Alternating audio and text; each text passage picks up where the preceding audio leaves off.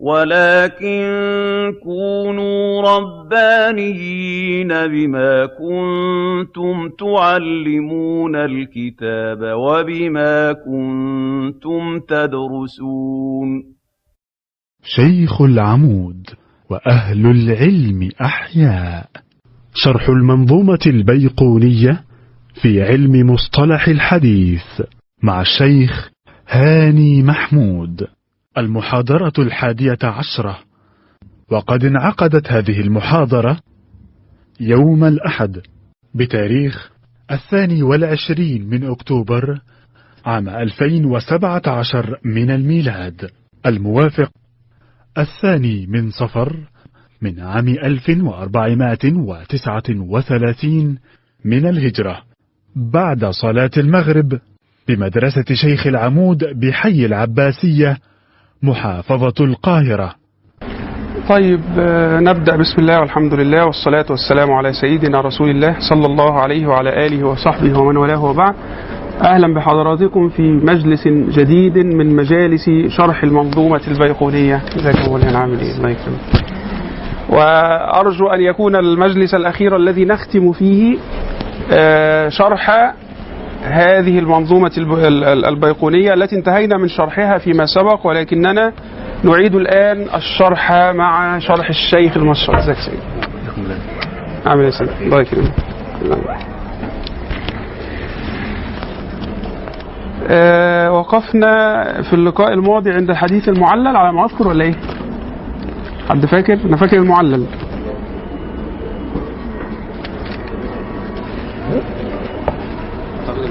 آه طيب اقرأ يا شيخ محمود يلا. شكرا. وما بعلة غموض أو معلل عنده علي صوتك بقدر ال- المستطاع. أه تحبوا نشغل التكييف ونقفل الشباك لو ال- الصوت هيشوش علينا ولا إيه؟ ولا اللي يريحكم يعني مفيش مشكلة. طيب. وما, وما بعلة غموض أو معلل عندهم قد عرف تمام. وما أيوة الحديث الذي تلبس بعلة ذات غموض وخفاء في سنده أو في متنه مع أن الظاهر السلامة منها ده تعريف العلة. يبقى التعريف العلة تعريف العلة هي وصف خفي يقدح في صحة الحديث والظاهر السلامة منه. فده تعريف الإيه؟ العلة. ماشي؟ والعلة إما أن تكون في السند وإما أن تكون في الإيه؟ في المتن. وستأتي الأمثلة. ونحن نراجع يعني لما- ما برضاش أقول كل أعيد كل اللي قلناه قبل كده لأننا نراجع الآن. يلا يا شيخ. فأوفى قوله أو خفى. فأو في قوله أو خفى. يعني حرف أو اللي هو حرف العطف. أه بمعنى الواو. بمعنى الواو. آه. لأنه تفسير. إيه؟ لأنه اللي هو إيه؟ الخفاء تفسير للغموض. ماشي؟ فذلك الحديث معلل عندهم قد عرف. ويقال له المعلول أيضا. تمام. وحاصله أن أنه حديث فيه أمر خفي قادح يظهر للنقاد بعد البحث عن طرق الحديث. هو ده تعريف العلة. حط خط برضو تحت هذا التعريف. أو ده بقى تعريف الحديث المعلول. حديث فيه أمر خفي قادح يظهر للنقاد بعد البحث. هذا تعريف الحديث المعلول.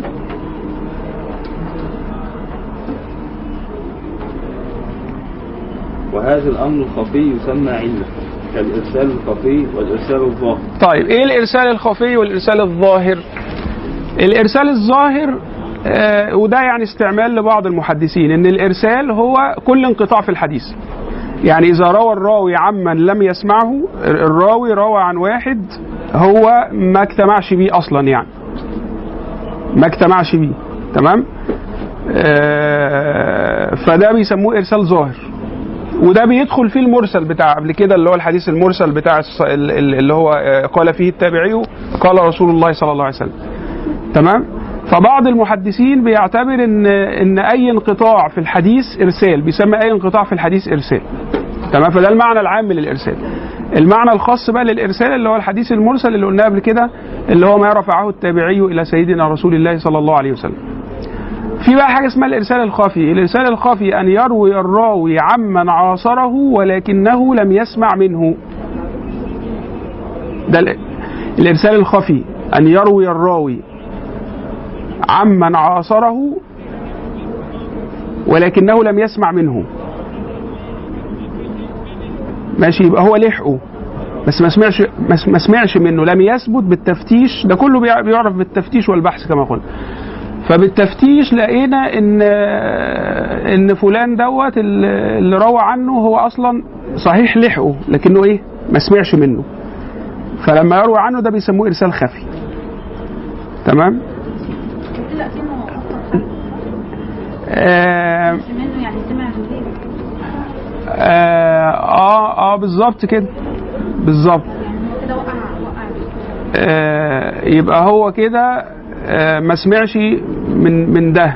فهو كأنه يعني بي بي بيزود واحد في الإسناد. هو كده كأنه مزود واحد في الإسناد هو إيه؟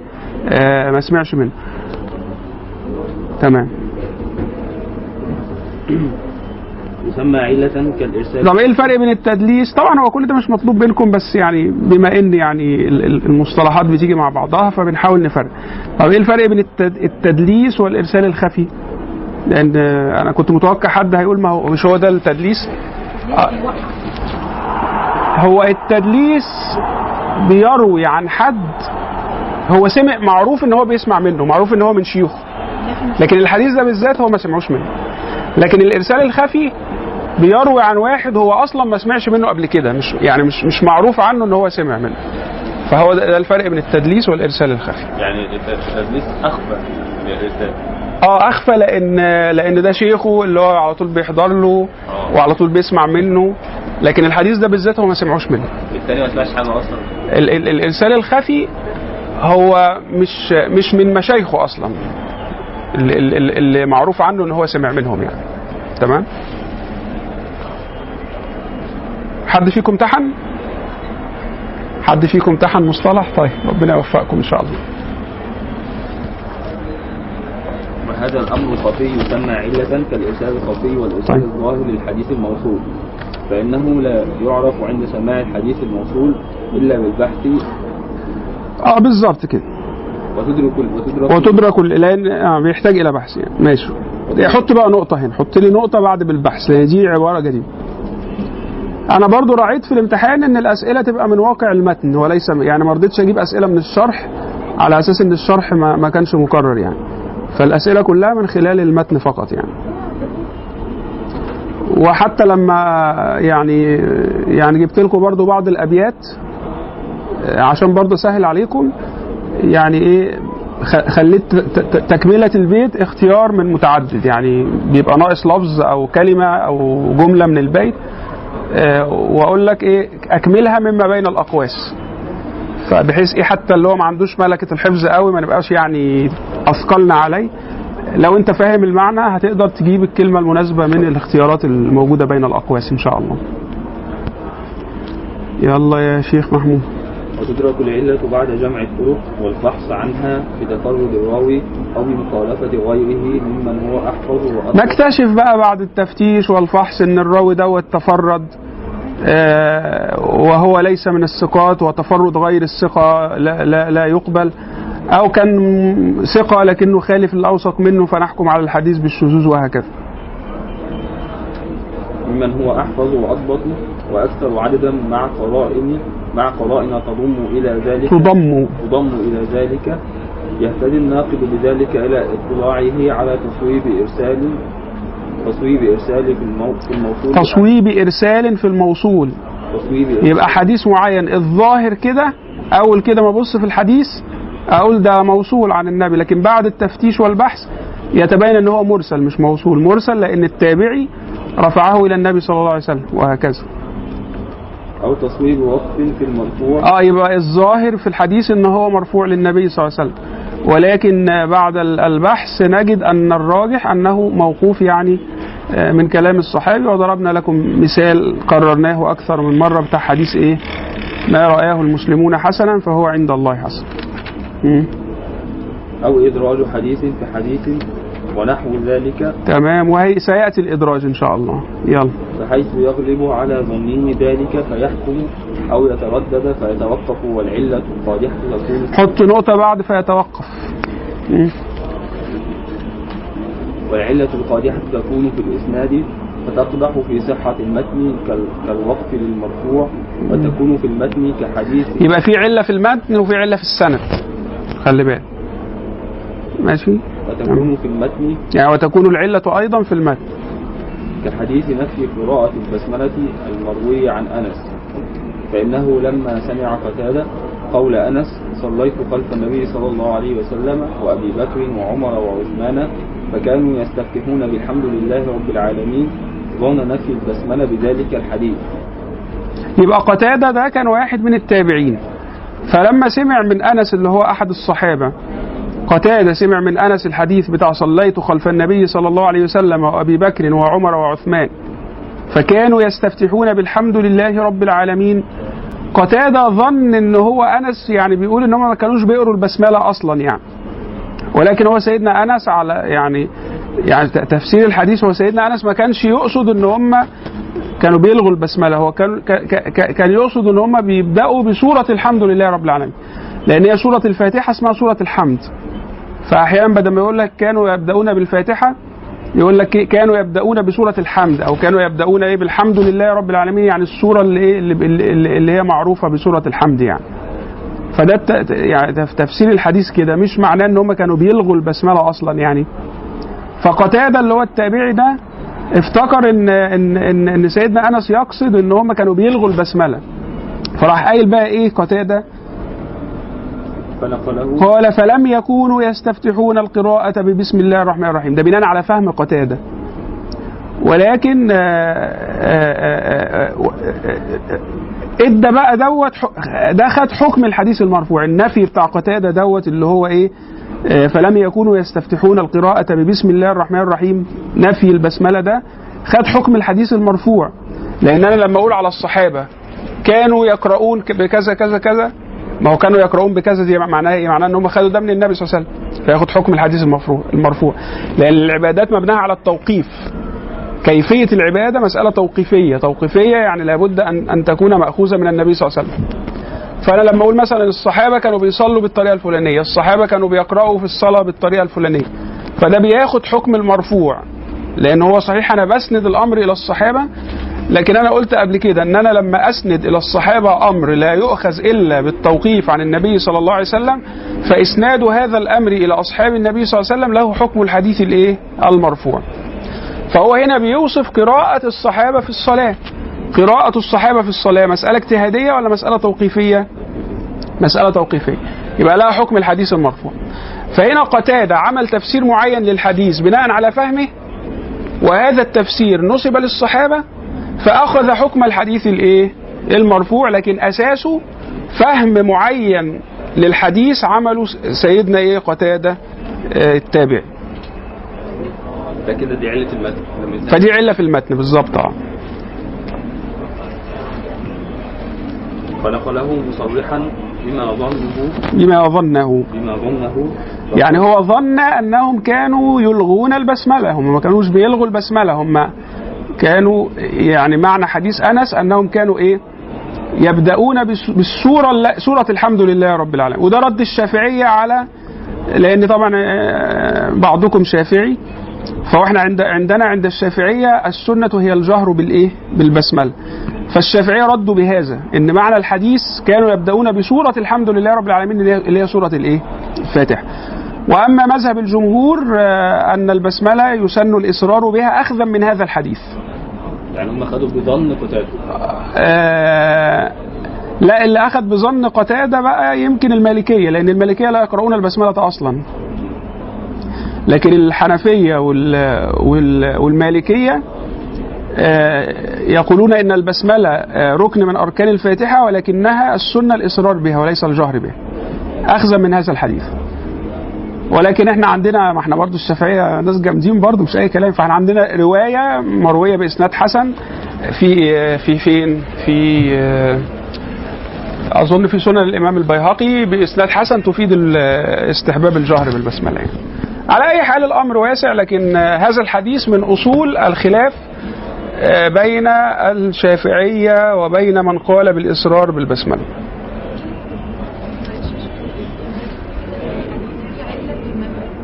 العلة إن قتادة فهم من الحديث إن هم ما كانوش بيقرأوا البسملة أصلا. فراح قايل بقى الجملة بتاعت فلم يكونوا يستفتحون القراءة ببسم الله الرحمن الرحيم. ده فهم قتادة للحديث. فهذه الجملة خدت حكم الرفع. ليه خدت حكم الرفع؟ لأن إحنا قلنا إن أنا لما أسند أمر للصحابة الأمر ده ما فيهوش مجال للاجتهاد بياخد حكم الحديث المرفوع حتى لو كان التابعين ده بعيد عن النبي صلى الله عليه وسلم ولو التابعين الحديث بتاعه ياخد حكم آه، لأنه أسند الأمر للصحابة. ما هو تابعي ما لحقش النبي بس لحق الصحابة. فهو بيحكم على الناس اللي هو لحقهم. فهو قال فلم يكونوا يعني الصحابة يعني. تمام؟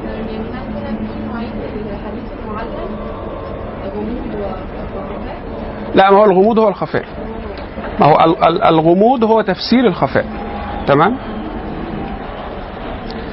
ممكن يا شيخ محمود شوية مية بعد اذنك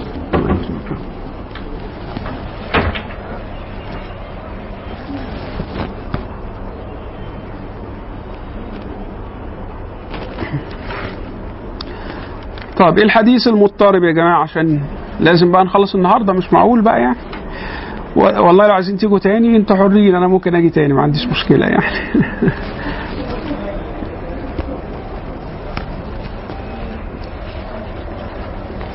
يلا. أنا يعني والله كتر خيرك جزاكم الله خير. ما شاء الله. جزاكم الله خير. جميل. والله طيب. طب ماشي لو تعرفي ترفعيها على الصفحة كمان بتاعه الدروس يبقى كويس. جميل. ما شاء الله. طيب. خلاص كويس. ماشي. جزاكم الله خير.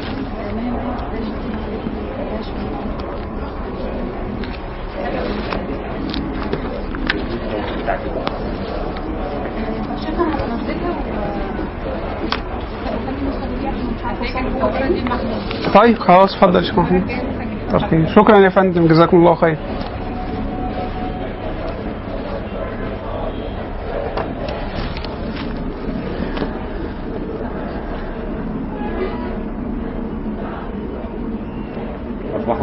أروح اصورها وارفعها خلاص ماشي. على ان مجموعه مجموعه حضرتك آه صفحة دروس آه. آه, آه بالظبط كده. ما هو مفيش حق إحنا لينا هي ديت ومجالس التكوين فطبعا مش مناسب في مجالس التكوين لأن ده بقى إيه بتاع الناس المفكرين ال- العظماء كده ف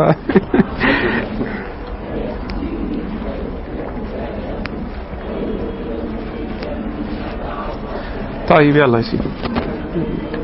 الحديث مضطرب وذو اختلاف سند أو لا متن. وذو اختلاف سند أو متن مضطرب عند أهيل الفن. يبقى وذو اختلاف سند. اختلاف مضاف وسند مضاف إليه. تمام يا رجل؟ أيوه هو لما لما كاتب القصيدة كلها على بعضها المنظومة مش كاتب وهي كاتب أهل. فين ده؟ هناك ما إحنا قلنا ده ما ت- ما تاخدش على كلامه. قلنا الطبعة دي مليانة أخطاء أهيل الفن. أنا حافظها كده من وأنا في تانية سيدي. فتلخبطونا بقى في المعلومات بتاعتنا. هي أهيل الفني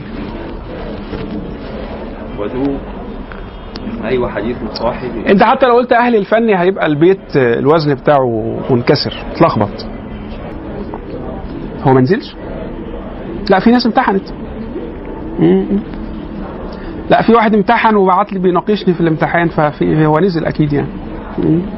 لا شوفي بقى لحسن هو بيبقى فترة محددة وبيقفل ف يقفل ف آه، قولوا لها على اللينك يا جماعة. لسه النهارده؟ طب كويس.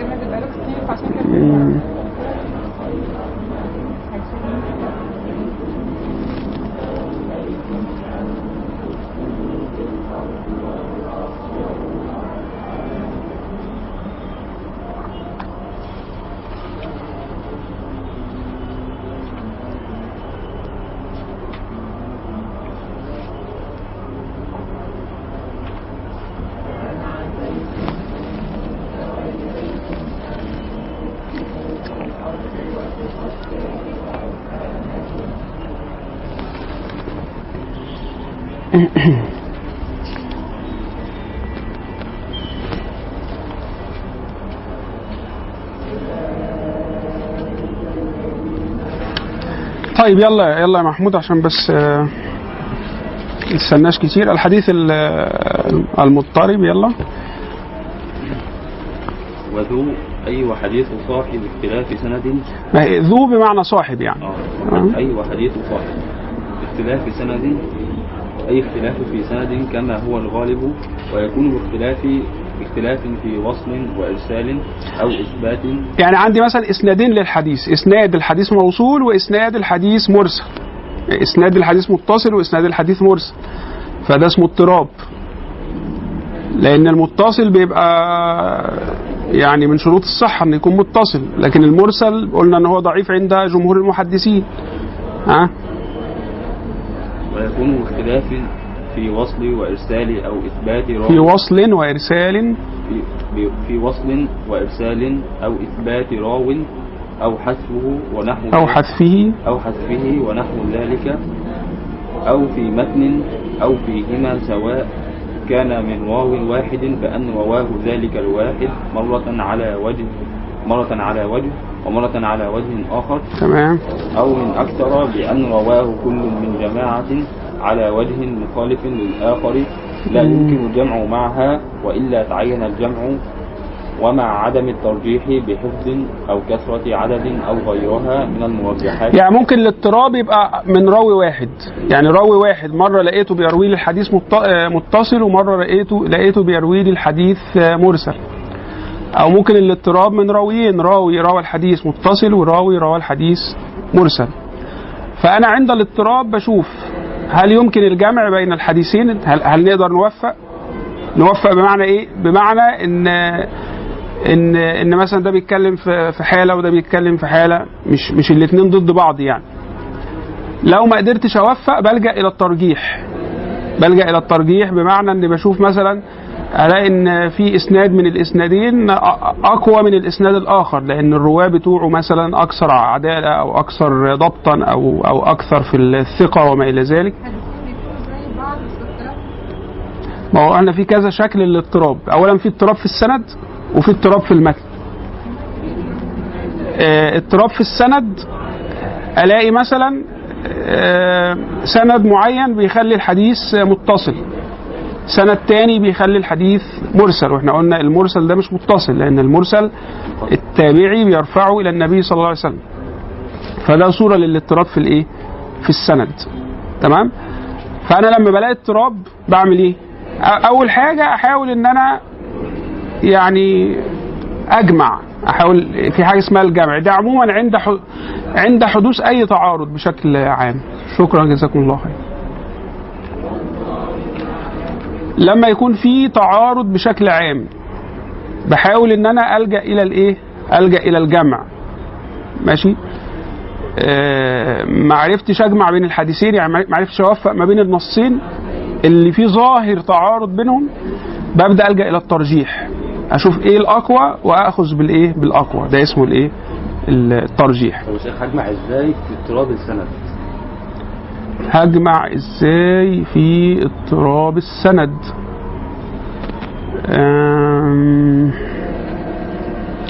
ممكن الجمع في هذه الحالة مثلا ال- الليث بن سعد.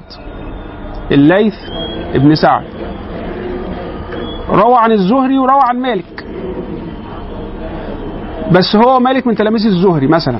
يبقى الزهري ده هو الشيخ بتاع الاثنين والليث بن سعد ومالك الاثنين من تلاميذ الايه؟ الزهري.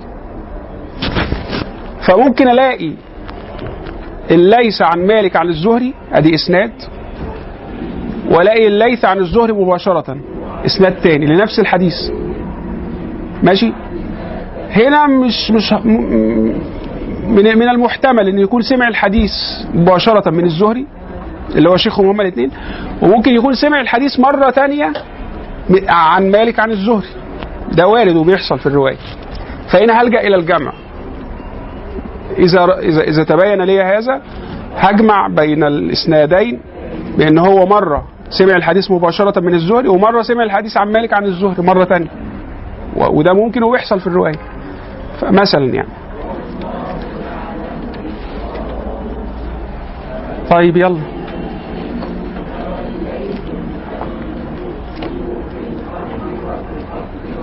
مضطرب عند أهل عند أهل الفن. أي فالحديث الموصوف بما ذكر مشهور عندهم بأنه مضطرب بكسر الراء. مثاله في الإسناد حديث شيبتني هود وأخواتها. فإنه اختلف فيه على أبي إسحاق فقيل عنه عن عكرمة. عكرمة. عن عكرمة. يعني في إسناد الحديث مروي عن أبي إسحاق عن عكرمة. وفي إسناد الحديث مروي عن أبي اسراء إسحاق عن البراء وفي حديث مروي عن أبي إسحاق عن الأحوص. تمام؟ فده اضطراب في الإسناد. شكرا شكرا جزاك الله خير. أه وقيل غير ذلك. وقيل آه وقيل عن آه غير ذلك. وحط نقطة. وقيل غير ذلك. مم. ومثاله في المتن حديث فاطمة بنت قيس قالت سألت سئل, سئل. سئل النبي صلى الله عليه وسلم عن الزكاة فقال إن في المال حق سوى الزكاة. حقا. حقا سوى الزكاة. هكذا رواه الترمذي من رواية شريك شريك. شريك عن أبي حمزة عن عن الشعبي أو الشعبي الشعبية آه. عن اللي هو عامر بن شراحيل من أئمة التابعين. عن فاطمة ورواه ابن ماجه من هذا الوجه. ليس في المال حق سوى الزكاة يبقى هو آه، هنا في اضطراب واضح أهو إن في رواية بتقول في المال حق سوى الزكاة وفي رواية بتقول ليس في المال حق سوى الإيه؟ سوى الزكاة. طبعا هو بعض الفقهاء يعني جمع بين الحديثين بإن في واحد محمول على الزكاة الفريضة وفي واحد محمول على صدقة الإيه؟ النافلة. لكن هو الشيخ بيضربه كمثال يعني إيه اضطراب في المتن. ماشي؟ ال- الفقهاء بقى ليهم شغل تاني. يعني الفقيه بياخد من المحدث ويشتغل عليه. لكن هو ده الشيخ بيضربه كمثال يعني إيه اضطراب في المتن إن أنا عندي حديث بيقول في المال حق سوى الزكاة وحديث بيقول ليس في المال حق سوى الزكاة. فالظاهر كده إن في تضارب بين هذين الايه المتنين. الفقيه بقى بيعمل شغل تاني فيحمل ده على حالة وده على حالة أو يبدأ إن هو يرجح. ده شغل الفقيه مش شغل المحدث. تمام؟ يلا.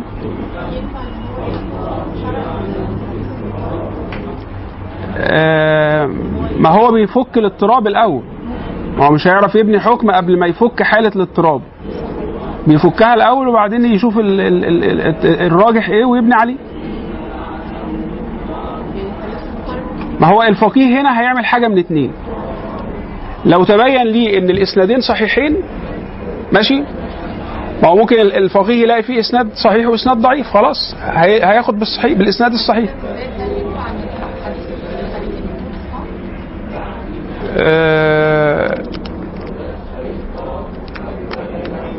والله يعني وارد يكون ال ال ال الإسنادين صحيحين. وارد. ففي هذه الحالة الفقيه هيبقى أمام حالة من اثنين. إما أن يحمل ده على حالة وده على حالة وإما أن يأخذ بالأقوى. ما هو ممكن يبقى عندي الإسنادين صحيحين بس أحدهما أصح من الآخر. فيأخذ بالأقوى بالأرجح. تمام؟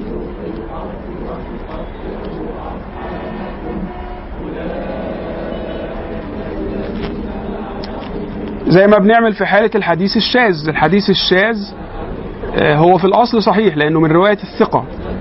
بس لقينا ال- ال- ال- اللي أقوى منه أو اللي أرجح منه في العدد رووا الحديث بشكل مختلف. فبنحكم على رواية الثقة هنا بالشذوذ رغم إن هو ثقة. ما هو ده نوع من أنواع الترجيح برضه. تمام؟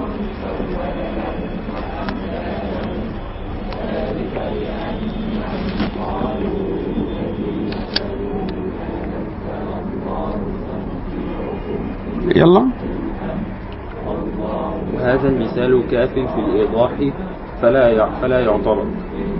بإم- بإمكان الجمع بحمل الأول على المندوب والثاني على الواجب لأنه ليس من دأب المحصلين وحكمه الضعف لإشعار لإشعاره بعدم حكم المضطرب بقى.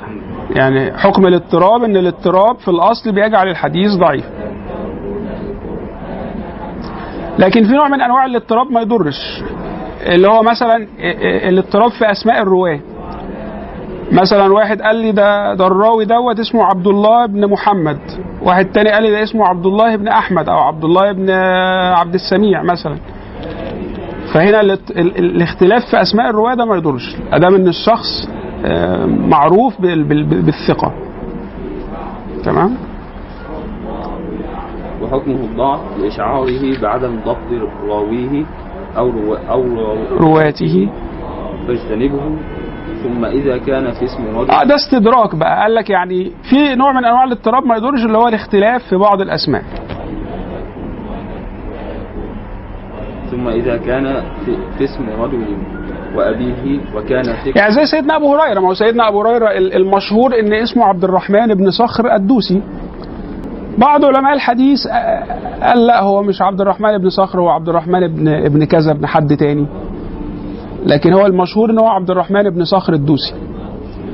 بس آه، اسم اسم أبوه يعني وردت فيه روايات أخرى. فده ما يضرش لأن معروف إن مين هو سيدنا أبو هريرة الصحابي وإن هو من الثقات العدول أصحاب النبي صلى الله عليه وسلم.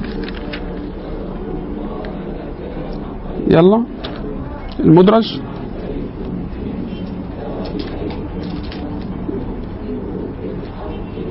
والمدرجات في الحديث ما أتت من بعض ألفاظ الرواة اتصلت مم. المدرجات جمع مدرج جعلوه من أقسام الحديث نظرا لما الإدراج بمعنى الإدخال. إدخال شيء في شيء ده اسمه إدراج. وهنا سموه إدراج لأن أدخلنا بيانات غير آه، دقيقة أو مش في محلها. أدخلنا بيانات مش في محلها. سواء أدخلناها في السند أو أدخلناها في المتن. عشان كده سمي إيه؟ مدرجا. ولذلك في إدراج في السند وفي إدراج في المتن. زي, زي ما هيقول الشيخ بالأمثلة. يلا. نظرا لما أدرج فيه وهو لغة الإدخال مم. واصطلاحا قسمان مدرج في السند ومدرج في المتن الأول. لا. حط نقطة بعد المتن. آه، أختنا غابت. أنا لو أعرف كده كنت خليتها حتى تخلي التصوير بعد الدرس. طيب يلا.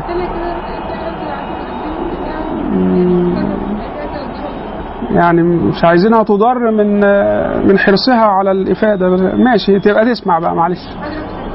آه تبقى تسمع إن شاء الله. طيب يلا. الأول أقسام مذكورة في المطولات. اللي هو السند. اللي هو الإدراج في السند آه. الأول هو الإدراج في السند.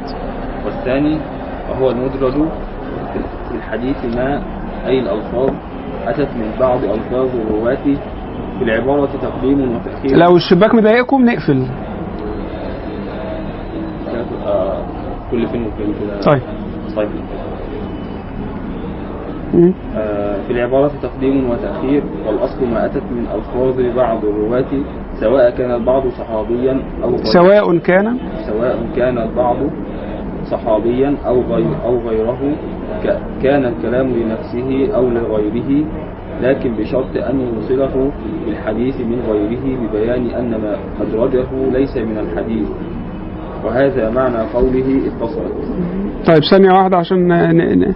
أنتوا فاهمين المتن؟ هو بيقول في تقديم وتأخير. يعني بيقول المدرجات في الحديث ما أتت من بعض ألف... ألفاظ الرواة اتصلت. يعني هو يعني هو عايز يقول المدرجات في الحديث ما ما اتصلت بالرواية من بعض ألفاظ الرواة ما اتصلت بالرواية من بعض ألفاظ الإيه؟ الرواة ده ده معناها يعني. تمام؟ فعشان كده قال لك في العبارة تقديم وتأخير.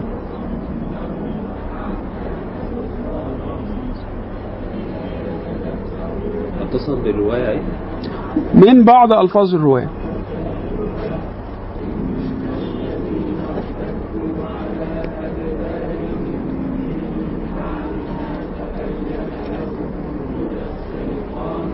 أنا لو أعرف والله كنت قلت لك تخليه بعد الدرس. كتر خيرك. جزاكم الله خير. طيب جزاكم الله خير. كتر خيرك يا فندم.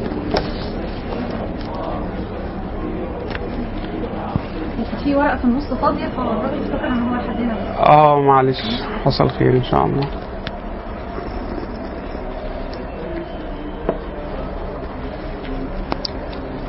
يعني أرجو أن تسمحي لي بقى ب... أرجو أن أرجو ان ماشي بس أنا يعني يعني أرجو ان ان ان, أن, أن تكون تكلفة هذا الأمر علي يعني. يعني الله يبارك في حضرتك جزاكم الله خير. طيب حاضر يلا يا شيخ محمود. وهذا معنى قوله اتصلت أي الألفاظ بآخر, الحديث.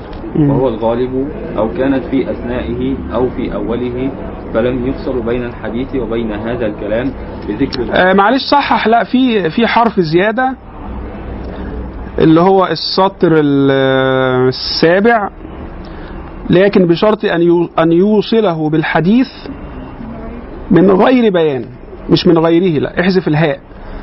من غير بيان أن ما أدرجه ليس من هذا الحديث من الحديث يعني شرط الإدراج إن الراوي لا يبين لا يبين إن في زيادة. أما لو نبه, نبه إن الزيادة دي من عنده ما يبقاش في إدراج ولا حاجة. لأن هي مشكلة الإدراج إن إحنا أو بعض الرواة بيتوهموا إن الكلام ده تبع الحديث وهو مش تبع الحديث. التوهم ده بيجي منين؟ التوهم يجي من إن الراوي ما نبهش عن على, على إن دي زيادة من عنده وليست من الحديث. فلازم الراوي ما ينبهش عن عشان نعتبر إن ده إدراج. أما لو الراوي نبه إن الزيادة دي من عنده فما ما فيش إدراج ولا حاجة الراجل باين لنا. تمام؟ يلا يا سيدي.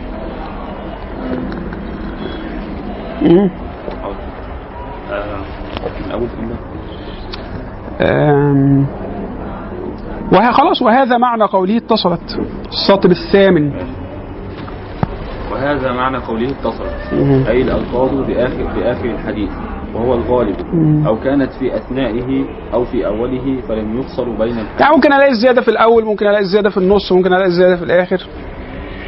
فلم يفصل بين الحديث وبين هذا الكلام بذكر قائله حتى يقع اللبس بذ- بذلك فيتوقع خليها حتى يقع اللبس. هنا حتى مش مش حتى الناصبة وإنما حتى اللي هي إيه مش مش فاكر بيسموها إيه استئنافية ولا إيه. حتى يقع اللبس بذلك فيتوهم أصل أنت لو خليتها حتى يقع اللبس حتى الناصبة بتكون تعليلية. فيبقى معناه إن هو قاصد إن هو يوقعنا في اللبس هو الراجل مش قاصد. لا ده هو بيقول لك يعني إيه إن بيحصل كذا لدرجة إن الناس بتت... يعني حتى ال- اللي هي الر- الر- ال- الرافعة دي هي يعني- حتى في رأسها. حتى رأس آه دي حتى رأسها. هي دي برضو غائية فدي برضو فيها معنى التعليق لكن حتى دي أنا مش ليها اسم كده مش فاكره استئنافية ولا إيه. اللي هي إحنا بنرفع ال- ال- الفعل بعدها فحتى اللي بنرفع الفعل بعدها لا تفيد التعليل. يعني معناها زي يعني زي, زي ما إحنا بنقول إيه ده حصل كذا كذا كذا لدرجة ان, إن يعني مثلا إيه ده ده هو مثلا آه، حتى ظننا أنه إيه سيورثه. ما زال جبريل يوصي يوصيني بالجار حتى ظننا أنه يورثه. اللي هي حتى ظننا دي اللي هي لدرجة إن إحنا افتكرنا كذا كذا كذا. فهي دي حتى اللي هنا. ماشي؟ فهو الراجل مش بيبين إن الكلام ده زيادة من عنده لدرجة إن إحنا بنفتكر إن إن, ده من كلام النبي أو من كلام الحديث. فهي دي حتى اللي هي حتى يقع اللبس بذلك فيتوهم من لم يعرف الحقيقة أن الجميع مرفوع. أن الجميع؟ أن الجميع مرفوع. مثاله حديث فيفتكروا إن ده, تبع الحديث لكن هو مش تبع الحديث. واذكر مثال. حديث الزهري عن عائشة كان النبي صلى الله عليه وسلم يتحدث في حر في حر لا يتحدث إيه بس؟ يتحدث إيه؟ لا أنا هروح أتخانق كده. يتحنث يتحنث. آه. يعني يتعبد.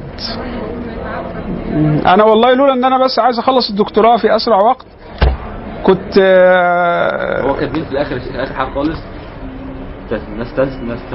نستميح القارئ عذرا في حال وجود أي خطأ برجاء اتصال بالمكتبة هم عارفين إن الدنيا كلها متلخبطة. يعني هو حاسس هو كان- كان قلبه حاسس يعني. يلا يا سيدي.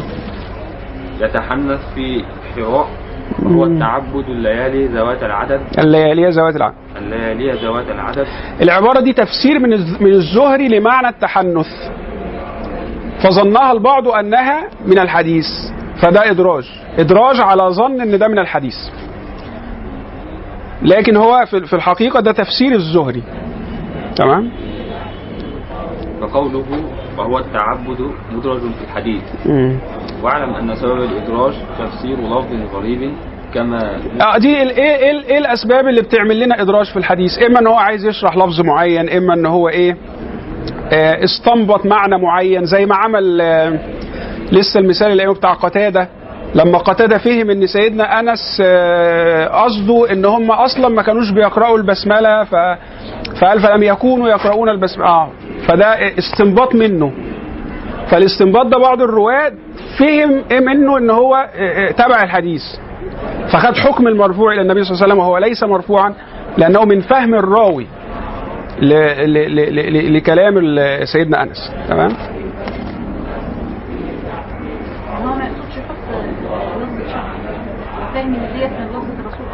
هو الزهري لما روى لما روى الحديث عن ستنا عائشة رضي الله عنها أول ما جه عند العبارة بتاعت إن النبي كان يتحنس في غار حراء الزهري حب يشرح للناس معنى التحنس فقال لهم وهو التعبد الليالي الليالي ذوات العدد ففي ناس ما خدتش بالها إن هو بيشرح. فافتكروا إن العبارة بتاعت وهو التع... التعبد الليالي ذوات العدد من كلام عائشة. فرووها على إنها من كلام لكن هي لكن هي من كلام الزهري. يعني آه بالظبط كده آه يعني هو كان كل ده كان بيتكلم عن ما هو الكلام عن حراء بس هي الفكرة إن في عبارة كده اللي هي وهو التع... آه افتكروا إن ده من كلام ستنا عائشه على أساس إن الزهري بيروي عن ستنا عائشه لكن هو العبارة دهيت شرح منه لمعنى التحنث مش التحدث. التحدث بنعمة الله. كتاب جميل للإمام السيوطي التحدث بنعمة الله. يلا يا سيدي. واعلم أن سبب الإدراج تفسير لفظ غريب كما مثل أو استنباط حكم أو استنباط حكم فهمه. بعض رواته ويعرف حط نقطة. ماشي. آه. جملة جديدة. ويعرف الإدراج بوروده مفصولا بطريق آخر أو بتصريح الراوي بذلك ونحوه وحكمه المنع. آه، بوروده مفصولا يعني نلاقي رواية تانية مثلا للحديث واضح فيها إن الزهري بيفسر. مثلا يقول لك و... مثلا يعني يقول لك وقال الزهري الت... التحنس هو التعبد الليالي ذوات آه فهو نفهم إن إن ده كده من ك... ك... في الرواية ال- ال- الأولانية بقى اللي اللي جابها في وسط الكلام كان من كلام الزهري وليس من كلام عائشة رضي الله عنها. ده إيه ده؟ ده الجون رقم خمسة ده يمكن. آه لا أصل هم كل شوية يزعقوا كده. بس هو شدة الصيحة ب- ب- ب- بيعرف منها هل هو هدف أم لا. فده واضح إن هو هدف يعني. هو ده المنتخب؟ لا ده الأهلي. الأهلي. الأهلي. ده منتخب لوحده. آه أنت أهلاوي طبعا. كده عرفنا إنك أهلاوي. أنا كنت أهلاوي. كنت يوما ما كنت أهلاويا ولكني طلقتها ثلاثا. وأنا كذلك ولكن أنا بعيد يعني. بعيد. ده أيوة. أمر على الجدار جدار ليلى أقبل ذا- ذا الجدار وذا الجدار. ماشي يا سيدي. بيقول لك الأهلي أسلوب حياة مش عارف إزاي أسلوب حياة يعني. ف بيحطوها ويكتبوا جنبها اسم الحياة آه. طيب. ماشي يلا يا سيدي. أي آه، ويعرف الإدراج بوروده مفصولا بطريق آخر أو بتصريح الراوي بذلك ونحوه وحكمه المنع. المنع ده اللي هو الضعف يعني؟ ولا- المنع؟ يعني لا يجوز إنك تعمل إدراج إلا لو بينت إن ده شرح ليك عشان ما يلتبس الأمر على ال الناس اللي بتسمعك وتفتكر إن ده تبع الإيه؟ الحديث. لتضمنه نسبة القول لغير قائله؟ نعم ما يقول. يعني أنت من من من الفطنة في الرواية إن أنت اروي الحديث زي ما سمعته بالظبط. وبعد ما تخلص الرواية تشرح. تقول بقى إيه خلصنا الرواية أهو. بعد ما تخلص الرواية والناس كده فهمت إنك خلصت الرواية ابدأ اشرح بقى. خلوا بالكم ده في مثلا لفظ في الرواية معناه كذا في جملة معناها كذا. أو أنت ع- راجل فقيه واستنبطت حكم معين. أنا والله بقى يعني إيه شايف إن مثلا الجملة الفلانية يفهم منها إن الحاجة دي حلال أو الحاجة دي حرام. فخلي ده بعد ما تنتهي تماما من الرواية والناس يفهموا إنك انتهيت من الرواية. عشان لا- لئلا يختلط كلامك. ولذلك ده من حكمة إن النبي صلى الله عليه وسلم وهذه من الشبهات التي يثيرها بعض المستشرقين ال- الأعاجم والمستشرقين ال- العرب اللي هم بسميهم غلمان المستشرقين اللي هم العرب يعني اللي هم يقلدون المستشرقين. اللي هي مسألة يقول لك أصل ال- السنة ما اتكتبتش في عهد النبي صلى الله عليه وسلم. هي لا المسألة مش كده هي المسألة إن النبي صلى الله عليه وسلم في بداية الأمر نهى عن كتابة الحديث في بداية نزول القرآن عشان لا يختلط على الناس القرآن بالحديث. فلما الناس تشربت قلوبهم ال ال ال ال الألفة بأسلوب القرآن الكريم تمام؟ آه وأصبح عند الناس قدرة على التمييز وأصبح هناك أمن من حصول ال- الالتباس بين القرآن وبين الحديث أذن النبي صلى الله عليه وسلم للناس بكتابة الحديث بعد ذلك. فكان في كتابة للحديث في عهد النبي صلى الله عليه وسلم غاية ما في الأمر أن هو نهى عن الكتابة لفترة مؤقتة لعلة وهي عدم التباس القرآن بالإيه؟ بالحديث. فكتب الحديث. وأما التدوين فهو يختلف عن الكتابة. في فرق بين التدوين وبين الكتابة وأظن قلناه. الكتابة أنا بجيب كده ورق وبكتب فيه الأحاديث اسمها كتابة. إيه بقى التدوين؟ التدوين إن أنا أطلع لكم كتاب زي ده. مرتب على فصول وكل أو أبواب وكل باب جواه فصول وكل فصل جواه مسائل. فترتيب أو تصنيف الأحاديث على الأبواب هو ده التدوين. فده آه ما حصلش في عهد النبي بهذه الكيفية لكن ده مش معناه إن ال- ال- ال- الحديث ما كانش مكتوب لا كان مكتوب في الإيه؟ في الصحف أو في الأوراق منذ عهد النبي صلى الله عليه وسلم. لكن تأخر التدوين إلى عهد الإيه؟ الصحابة. الصحابه يا شيخ آه، هو يعني آه، تعددت الأقوال والإمام السيوطي في ألفيته رجح أن أول من من دون كتابا بهذه الكيفية المرتبة في أحاديث النبي هو الإمام الزهري آه، بأمر من إيه؟ من سيدنا عمر بن عبد العزيز فده كان في يعني الاثنين كانوا من التابعين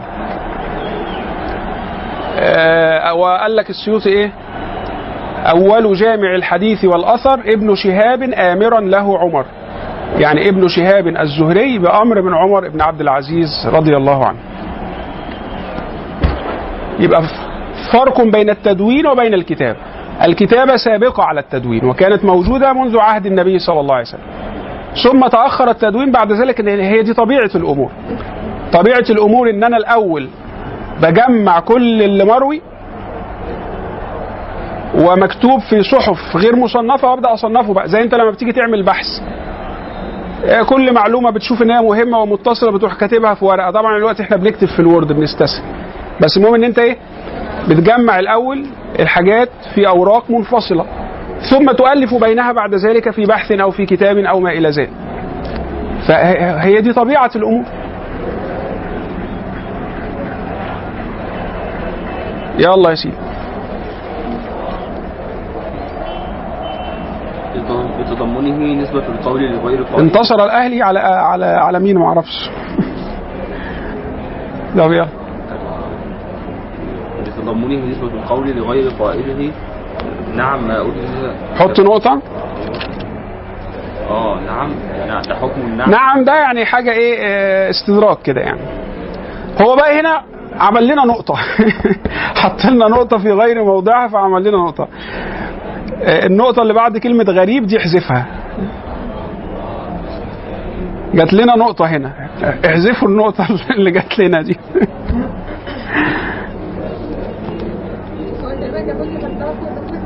يمكن آه. يعني الراجل برضه ما حرمناش من حاجة يعني برضه عشان خاطر إيه؟ إحنا عندنا نقط برضه. يلا يا سيدي. نعم ما أدرس تفسير تفسيري غريب. انت وقفت ليه؟ انت هتعتد بالنقطة؟ نعم ما أدرس لتفسير غريب. يسامح فيه كما قال شيخ الإسلام ولذا فعله الزهري في حديث عائشة شيخ الإسلام هنا اللي هو الإمام ابن حجر العسقلاني. وشيخ الإسلام في علوم المصطلح؟ عادة آه بيكون آه، الإمام ابن حجر العسقلاني. شيخ الإسلام يعني في كذا شيخ. الإسلام لا إحنا عندنا شيوخ إسلام كتير يعني الحمد لله. ربنا يبارك في شيوخ الإسلام يعني. فاحنا عندنا في الشافعية بقى ناس الشافعية. شيخ الإسلام عند الشافعية هو مين؟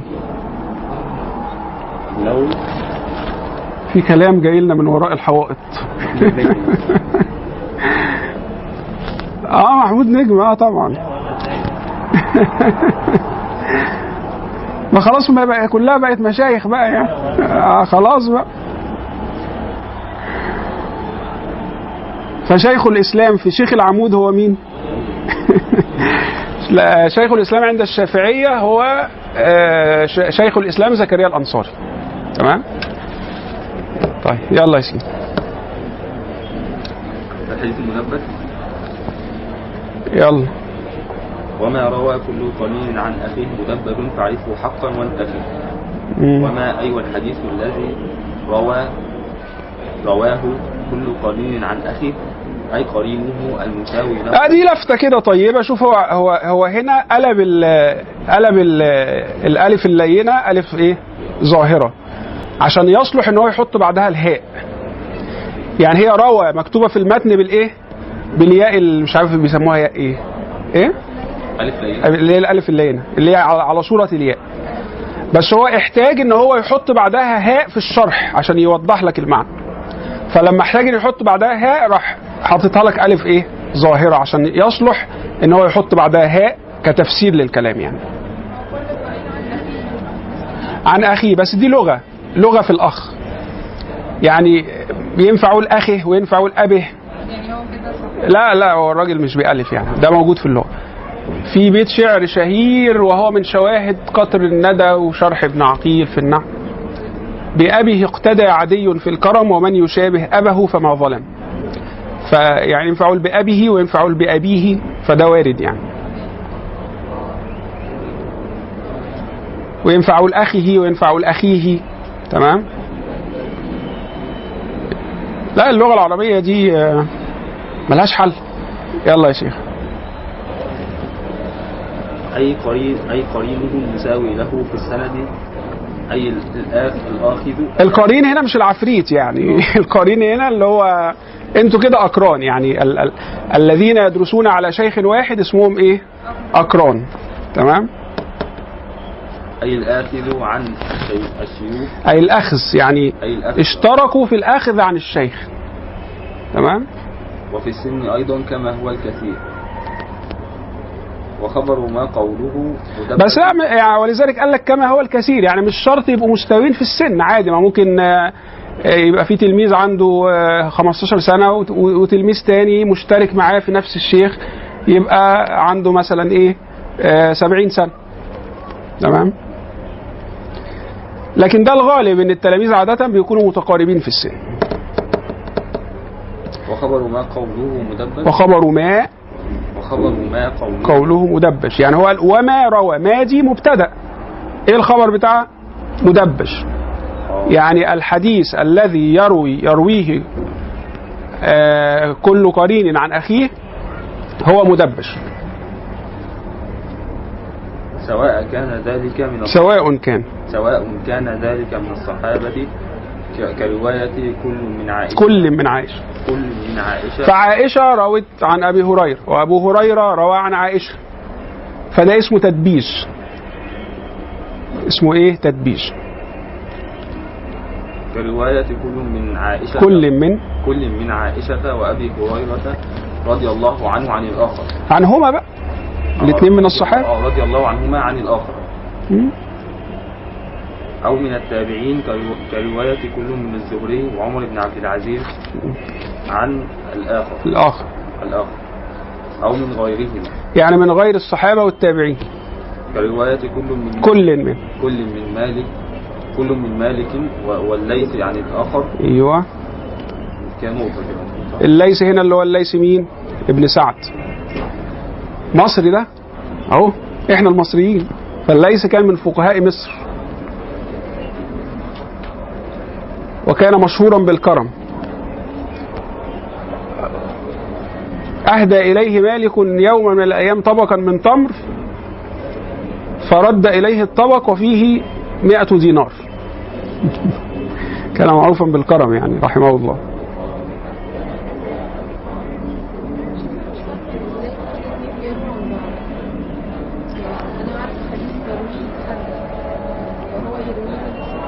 آه، مش شرط نفس الحديث. يعني إحنا معروف في علم الحديث إن أبو هريرة روى عن عائشة وعائشة روت برضو عن أبو هريرة. مش شرط نفس الحديث. فده اسمه تدبيج. ده اسمه تدبيج. وممكن نفس الحديث بإسنادين مختلفين مفيش مشكلة يعني. يعني أبو هريرة وعائشة الاثنين سمعوا حديث من النبي صلى الله عليه وسلم. فجت عائشة قالت لأبو هريرة إني سمعت الرسول صلى الله عليه وسلم يقول كذا كذا. وهو قال لها إني سمعت الرسول صلى الله عليه وسلم يقول كذا كذا. فممكن نفس الحديث الاثنين يرووا عن بعض. يعني كل واحد يخبر الثاني أنه سمع هذا الحديث. فممكن نفس الحديث يبقى اسمه يبقى اسمه حديث مدبج أو يبقى فيه تدبيج. التدبيج بقى اللي هو إيه؟ إن كل واحد من الراويين يبقى معروف إن ده روى عن ده وده روى عن ده. زي كده زي عائشة وأبو هريرة. مش شرط حديث واحد يعني. المدبج تطلق على حديث اللي هو لو الحديث المدبج هو الحديث اللي الاثنين من الرواه كل واحد فيهم رواه عن الثاني يبقى ده حديث مدبج في بقى حاجة اسمها تدبيج. تدبيج يعني اثنين من الأقران عرف عنهما أن هذا روى عن هذا وأن هذا روى عن هذا سواء نفس سواء حديث واحد أو أكثر من حديث أو من الطرق الثانية أم، ما لو ممكن حديث واحد بطرق مختلفة آه. ما هو مالك له شيوخ غير شيوخ الليث والليث له شيوخ غير شيوخ مالك. فممكن عن شيوخ وده قالوا نفس الحديث عن شيوخ لحد ما تقابله فوق مثلا عند الصحابي أو عند النبي صلى الله عليه وسلم أو- أو كذا. فده تفنن يعني في في بيان يعني كثرة اهتمام المحدثين بمسألة ال- الرواية وضبطها يعني. فهو ده مش مش من المسائل اللي هي بيتوقف عليها صحة الحديث يعني. يعني يعني ده بيسموه من من ملح العلم. يعني ملح العلم اللي هي ال- ال- المسائل اللي هي إيه؟ ما بتبقاش مؤثرة في في, في الأحكام. بيسموها ملح العلم. لكن طبعا هو ليه فايدة هيقولها الشيخ دلوقتي. اقرأ يا شيخ. أما في اللغة فهو الم... فهو مأخوذ من ديباجي. دي بقى جاي الوجه. ديباجي الوجه أي جانبين. سمي بذلك تساوي القرنين القرنين بقى. القرنين. آه. والتقابل أو القرنين أو القرنين. آه. سمي بذلك تساوي القرنين وتقابلهما وخرج حط نقطة. آه. وخرج بالكلية في قوله كل قرين ما إذا انفرد أحد القرينين بالرواية عن الآخر. يعني أبو هريرة روى عن عائشة بس ستنا عائشة ما روتش عن أبي هريرة. ده كده ما يبقاش تدبيج بس يبقى اسمه إيه؟ رواية أقران. لأن الاثنين أقران لأنهم اشتركا على شيخ واحد وهو سيدنا رسول الله صلى الله عليه وسلم. يبقى لو لو لو أحد التلاميذ روى عن تلميذ تاني لنفس الشيخ بنسميها رواية اقران لو عمل عملوا تبادل ده روى عن ده وده روى عن ده فده بتبقى رواية اكرام برضو بس ليها اسم تاني خاص اللي هو الإيه؟ التدبيج. تمام؟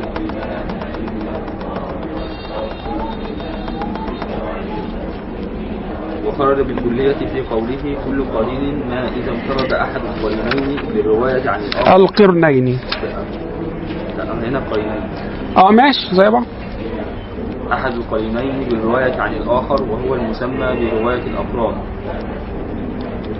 كرواية زا- زائدة ابن قدامة أيوه. عن زهير عن عن ابن معاوية. آه. فإنه لا لا يع... لا كرواية هي فين استنى يا شيخ أنت فين أنا أنا أنا تهت منك يا شيخ. السطر السادس؟ طيب. آه ماشي. عن زهير بن معاوية. آه.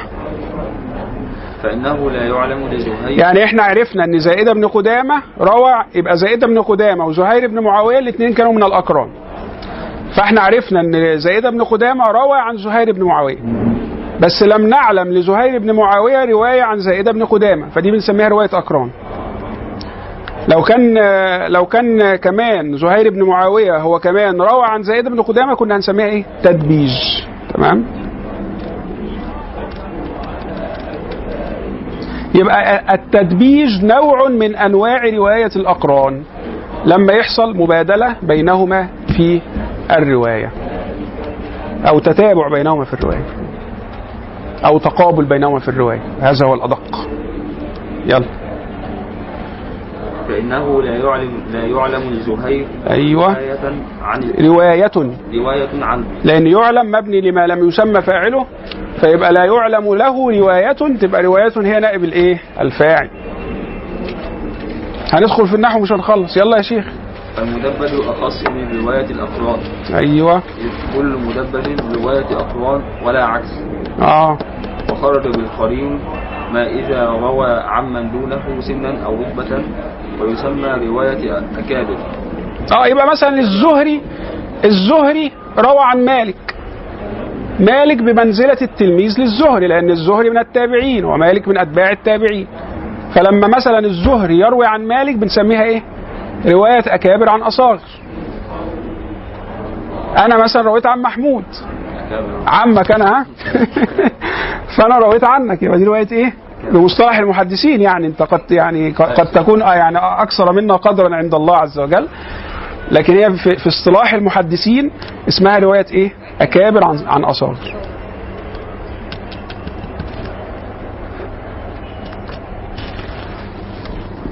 يلا يا سيدي. آه، ويسمى رواية, رواية أكابر عن أصاغر كرواية الزهري عن, عن مالك. فاعرفه أي, أي اعلمه علما أي اعلمه علما حقا وانتفه أي افتخر بمعرفة بمعرفته. لأن ليه فايدة. هتيجي فايدته يلا. فإنه مهم لإفادته الأمن من ظن الزيادة في السند. آه ألاقي سند فيه. آه ألاقي السند فيه إيه؟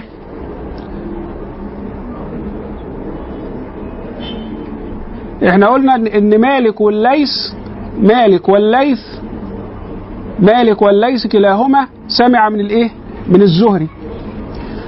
فلقيت سند مالك عن الليث عن الزهري ولقيت سند تاني مالك عن الزهري. فلو أنا مش مش فاهم الموضوع ده هقول إيه ده؟ مرة مالك عن الزهري ومرة مالك عن الليث عن الزهري. آه بس إحنا عارفين إن مالك والليث الاثنين رووا عن بعض. فأقول آه يبقى هو آه الليث سمعوا مرة عن الزهري مباشرة وسمعوا مرة عن مالك عن الزهري. لأن إحنا عارفين إن الليث آه روى عن مالك أو مالك روى عن الليث. فهنا آه، أفهم إن إن مفيش مفيش زيادة مقحمة في السند. أفهم إن إن إن إحنا بنقول ما آه، عن الزهري أدي إسناد الليث عن مالك عن الزهري أدي إسناد تاني. لو أنا مش فاهم القصة دي هفتكر بقى إن الإسناد بتاع مالك عن الليث عن الزهري هفتكر هفتكر إن الليث هنا حد حشرهولي في السند زيادة. فايه فايدة بقى إن أنا أعرف مسألة التدبيج إن أنا في هذه الحالة أفهم إن لأ ما فيش حد حشره كده كزيادة لأن معروف إن مالك روى عن الليث والليث روى عن الزهري وما فيش مانع إن أنا أسمع الحديث. أنا مثلا الليث أسمع الحديث من الزهري مباشرة وأجي أقابل مالك كده ونبقى قاعدين مع بعض ومالك يعزمني مثلا على على لحم لأن سيدنا الإمام مالك كان يحب اللحم. ماشي؟ آه فإحنا قاعدين كده بنأكل اللحم يروح إيه؟ مالك يحدث الليث إن هو سمع من الزهري الحديث فالليث يلاقي ان إن ده نفس الحديث اللي هو سمعه قبل كده من الزهري بس من باب يعني الأمانة في النقل يرويه لي مرة بطريق مالك لأنه سمعه من مالك ويرويه مرة بطريق الزهري مباشرة لأنه سمعه من الزهري مباشرة. فهي القصة بتيجي كده يعني. هو ده مدبش يعني لما أنا أروي عن عن الزهري عن مالك عن الزهري وبعد كده أروي عن الزهري مباشرة فين التدبيش؟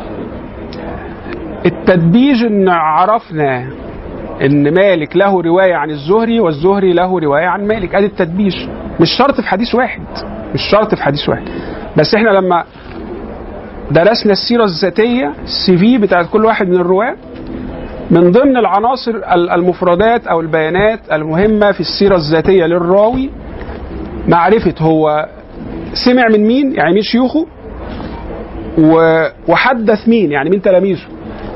دي من الأركان الجوهرية المهمة في السيرة الذاتية للراوي اقرأ مثلا الميزان الاعتدال للذهبي اقرأ تهذيب التهذيب لابن حجر اقرأ تهذيب الكمال في أسماء الرجال للحافظ المزي اقرأ أي كتاب في كتب الرجال.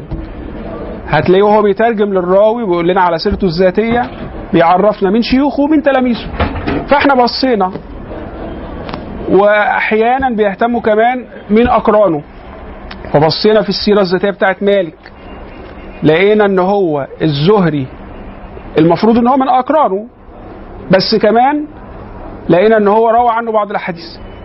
ولما بصينا في السيرة الذاتية بتاعت الزهري المفروض إن الزهري من أك... من مالك من أقرانه بس كمان ذكروا لنا بيانات إضافية إن هو صحيح من أقرانه يعني في في الغالب هم أقران بس إيه في بعض الأحيان لقينا ان إن مالك حدثه ببعض الأحاديث. فلما حطينا المعلومتين جنب بعض يبقى الزهري روى عن مالك ومالك روى عن الزهري وهم في الأصل أقران يبقى ده تدبيش هي بتيجي كده.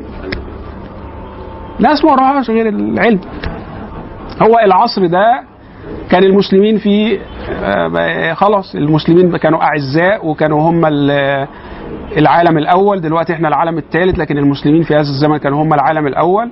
وهم السادة وهم القادة. فإيه واجب الوقت ساعتها؟ خدمة القرآن والسنة وتنقيح السنة والمقارنة بين الروايات وجمع كل الروايات والطرق التي رويت بها الأحاديث عن النبي هو ده كان واجب الوقت وقاموا به على أكمل وجه. تمام؟ إحنا دلوقتي خلاص يعني نقحت السنة وعرفنا الأحاديث الصحيحة من الحسنة من الضعيفة من الموضوعة. أصبح أمامنا بقى واجب الوقت بقى أشياء أخرى بقى. تمام؟ وهكذا.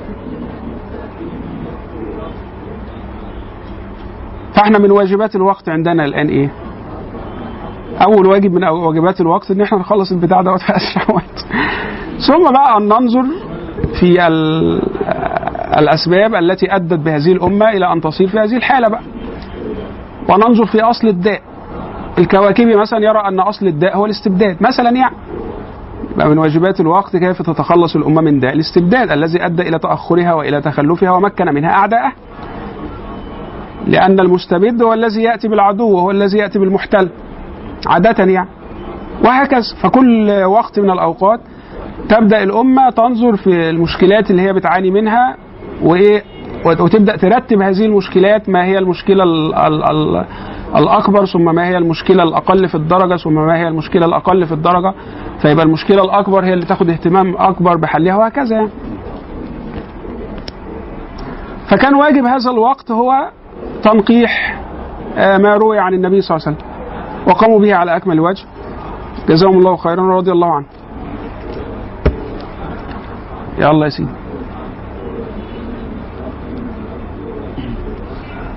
فإذا روى الليث عن مالك مثلا وهما مش قرينان عارف أنا في ال- الح... يعني في ناس مستخبيه لنا ورا الحيطة كده مش عارف يعني بي... بيسجلوا عمالين يسجلوا حاجات غريبة كده مش عارف بيسجلوا إيه بالظبط.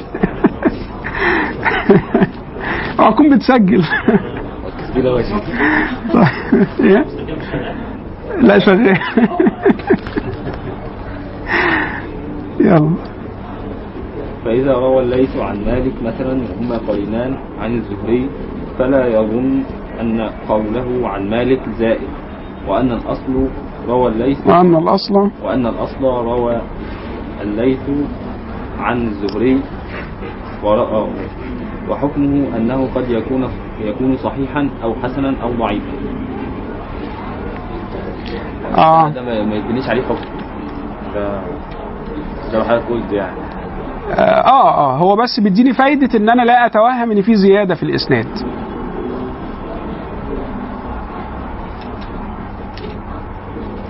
ها؟ لا إحنا هنخلص. أنت بتبص لي ليه؟ أنت هتاخد رأيي يعني نخلص النهارده ولا ما هنخلص النهارده إن شاء الله. خلاص. يعني هو برضو المتفق والمفترق يعني عاملة زي إيه؟ فكرة ملح العلم اللي إحنا قلنا عنها. آه وله فايدة برضو تشبه فايدة التدبيج إن أنا ألاقي مثلا أنس بن مالك. قلنا أنس بن مالك لقينا بالتفتيش في السير, الذاتية للرواة لقينا فيه ستة كل واحد فيهم اسمه أنس بن مالك. وكان فيهم واحد تاني من الصحابة برضو. اللي هو اسمه أنس بن مالك ابن إيه؟ أنس بن مالك ابن إيه؟ أنس بن مالك الكعبي. ده كان صحابي برضه بس مش مشهور زي سيدنا أنس بن مالك بن النضر الأنصاري. وفي طبعا أنس بن مالك اللي هو والد الإمام آه مالك مالك بن أنس بن مالك. وفي بقى أنس بن مالك ضعيف. فدي من فايدة معرفة المتفق والمفترق إن هلاقي أنس بن مالك ضعيف. فممكن أفتكر مثلا إنه أنس بن مالك اللي هو مثلا واحد ثقة. ففايده بقى المتفق والمفترق إن أنا لما بقرأ باخد بالي إن في أنس بن مالك ثقة وفي أنس بن مالك ضعيف فأبقى واخد بالي يعني. يلا يا سيدي. الحديث المتفق والمفترق متفق لفظا وخطا متفق وضده فيما ذكرنا المفترق. متفق هو خبر مقدم عن قوله متفق. متفق آخر. آخر الشطر. آخر الشطر. يعني آخر الشطر الأول من البيت. متفق لفظا وخطا متفق. ده اسمه شطر البيت الأول. فاخره كلمة متفق. يعني أنه الحديث الذي اتفقت فمتفق الأولانية دي خبر لمتفق الثانية. ومتفق الثانية هي المبتدأ. يعني كانوا قال إيه؟ الحديث المتفق في اللفظ والخط اسمه عند المحدثين متفق. ادي معنى الكلام يعني. يعني أنه الحديث الذي اتفقت في سنده أسماء الرواة لفظا وخطا آه. أي في اللفظ أي في اللفظ والخط متفق؟ عندهم عندهم يعني عند المحدثين. في اصطلاح المحدثين. يبقى يبقى متفق يبقى متفق الأولى ده معنى لغوي. متفق الثانية ده ده مصطلح. خدت بالك؟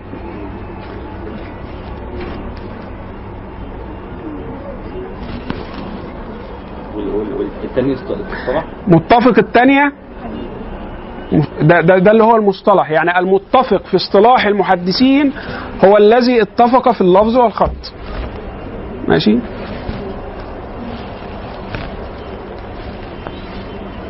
يعني عموما ده ده تنويع في العبارات مش هنقف عنده كتير. المهم بس نفهم المسألة أو المعلومة. يلا يا سيدي.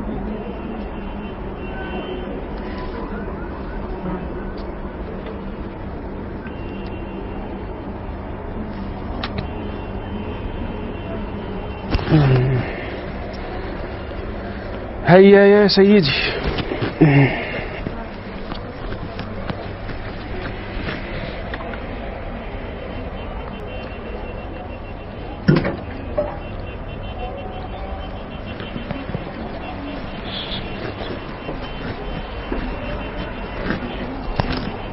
يلا.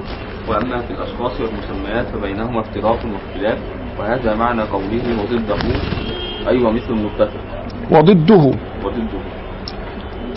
في حاجة مش مفهومة؟ في حاجة مش مفهومة؟ ما هو ما جاي اهو. يلا يا شيخ يلا. لا تستبق لا تستبقوا الأحداث. أهلا أهلا أهلا. أهلا أهلا. معيش ملبسة النهارده بقى معلش يعني.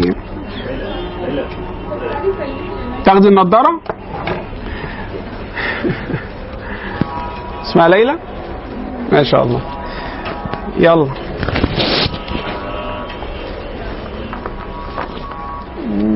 فيما أي أي الاتفاق الذي ذكرنا في اللفظ والخط دون المسمى والشخص هو المفترق أي المسمى بذلك افتراق الأسماء وافتراق المسميات. والمراد إحنا هنا بقى بنقول إيه آه، آه، بن- بنطلق المسميات على ال- الأسماء. نقول مثلا ده, ده, ده اختلاف مسميات ونقصد اختلاف أسماء. المسمى هو ال- الشخص نفسه. يعني انت كده ذاتك مسمى اسمك محمود فاحنا بنطلق المسمى ونقصد الاسم في اللغة العامية يعني. لكن المسميات اللي هي إيه الذات اللي إحنا سميناها بالاسم. هو هو ده الذات دي أو الشخص هو ده المسمى يعني. فهنا بيكون مثلا آه، أنس بن مالك يبقى ال ال الاسم واحد. بس المسميات أو الأشخاص مختلفين لأن قلنا في ستة اسمهم أنس بن مالك. فهو متفق في الاسم ومفترق في إيه في المسمى يعني في الشخص. ده مفترق في الاثنين. حتى لا ده والله ده في غلطة هي لسه شايف. ال- العنوان اسمه كاتب الحديث المتفق والمتفرق. لا المفترق خلوها المفترق. يلا يا شيخ. فهو متفق في الأسماء مفترق في الإيه؟ في المسميات أو الأشخاص. والمراد أن القسم الذي والمتفق والمفترق ده نوع واحد. يعني مش نوع اسمه المتفق لا هو هو يعني ال- اللفظين وصف لإيه؟ لنوع واحد. اللي هو بيكون متفق في الأسماء مفترق أو مختلف في المسميات أو الأشخاص. تمام.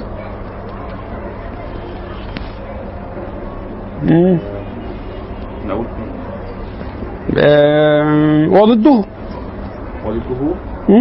أيوة مثل المتفق فيما أي في الاتفاق الذي ذكرنا في اللفظ والخط دون- المسمى والشخص. فدي نقطة يعني؟ لا لا لا. هو المفترق أي المسمى بذلك لافتراق الأسماء بافتراق المسميات. والمراد أن القسم الذي يسمى بالمتفق والمفترق هو ما اتفق في الخط واللفظ دون المسمى. فهو من قبيل المشترك اللفظي فهو متفق من حيث اللفظ والخط. متفق من حيث اللفظ والخط مم. مفترق من حيث الأشخاص. اللفظ لو أنا بتكلم بنطق اللفظ المسموع يعني هو يقصد هنا اللفظ المسموع أو الخط المكتوب يعني. مفترق من حيث الأشخاص والاعتبار بات- باتفاق الخط بالحروف. ممكن تحط نقطة أو فاصلة بعد الأشخاص. عشان ما تقولش من حيث الأشخاص والاعتبار فتعطف الاعتبار على الأشخاص لا حط نقطة أو فاصلة بعد الأشخاص. والاعتبار بات- باتفاق الخط بالحروف قطع النظر عن اللغة والشكل وله أقسام مخصوصة في المبسوطات آه يعني مثلا آه، في راوي اسمه أتش. أتش. فأتش عاملة زي أنس. فبرضه هندخله في في في المتفق والمفترق على اعتبار إن هيئة الكتابة واحدة ال- الاختلاف بيبقى في, في, في النقاط يعني. ماشي؟ مبسوطة في المبسوطات ومثاله حماد. آه. أيوه. لا تدري أهو ابن زيد أو ابن سلمة. ما في حماد بن زيد وفي حماد بن سلمة.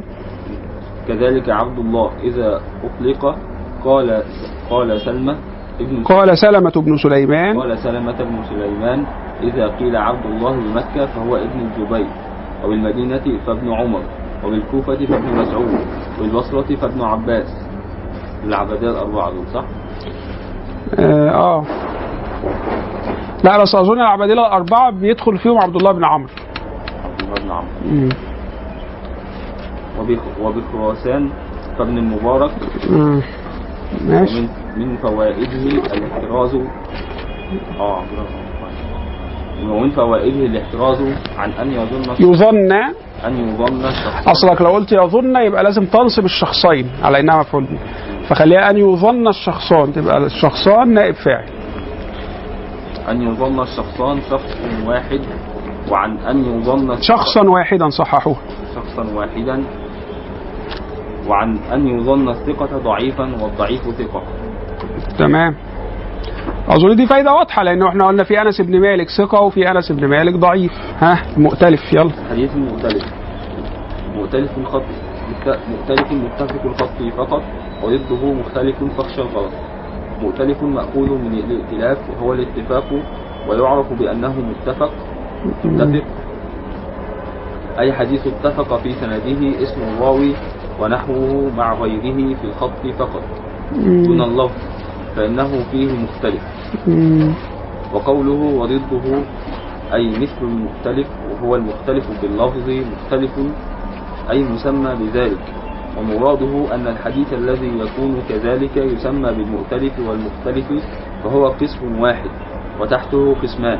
الأول ما لا ضابط له لكثرته كأسيد كأسيد. يبقى في راوي اسمه أسيد وفي راوي اسمه أسيد. أسيد ده مكبر. أسيد ده, ده تصغير. أسيد تصغير أسد. واخد بالك؟ وأسيد مكبر. والثاني ما ينضبط بقلته في أحد الطرفين نحو وده كتير يعني يعني في ناس كتير اسمهم أسيد وناس كتير اسمهم أسيد. واخد بالك؟ نحو عماره. نحو عموره؟ عمارة. عمارة آه بضم العين. نحو عمارة كله بضم العين إلا إلا يعني كل الصحابة اللي اسمهم عمارة بضم العين. إلا عمارة إلا ابن أبي إلا أبو عمارة ده اللي ب... ب... ب... ب... أبو عمارة ده بكسر العين. لكن بقية الصحابة اللي اسمهم عمارة عمارة بالضم.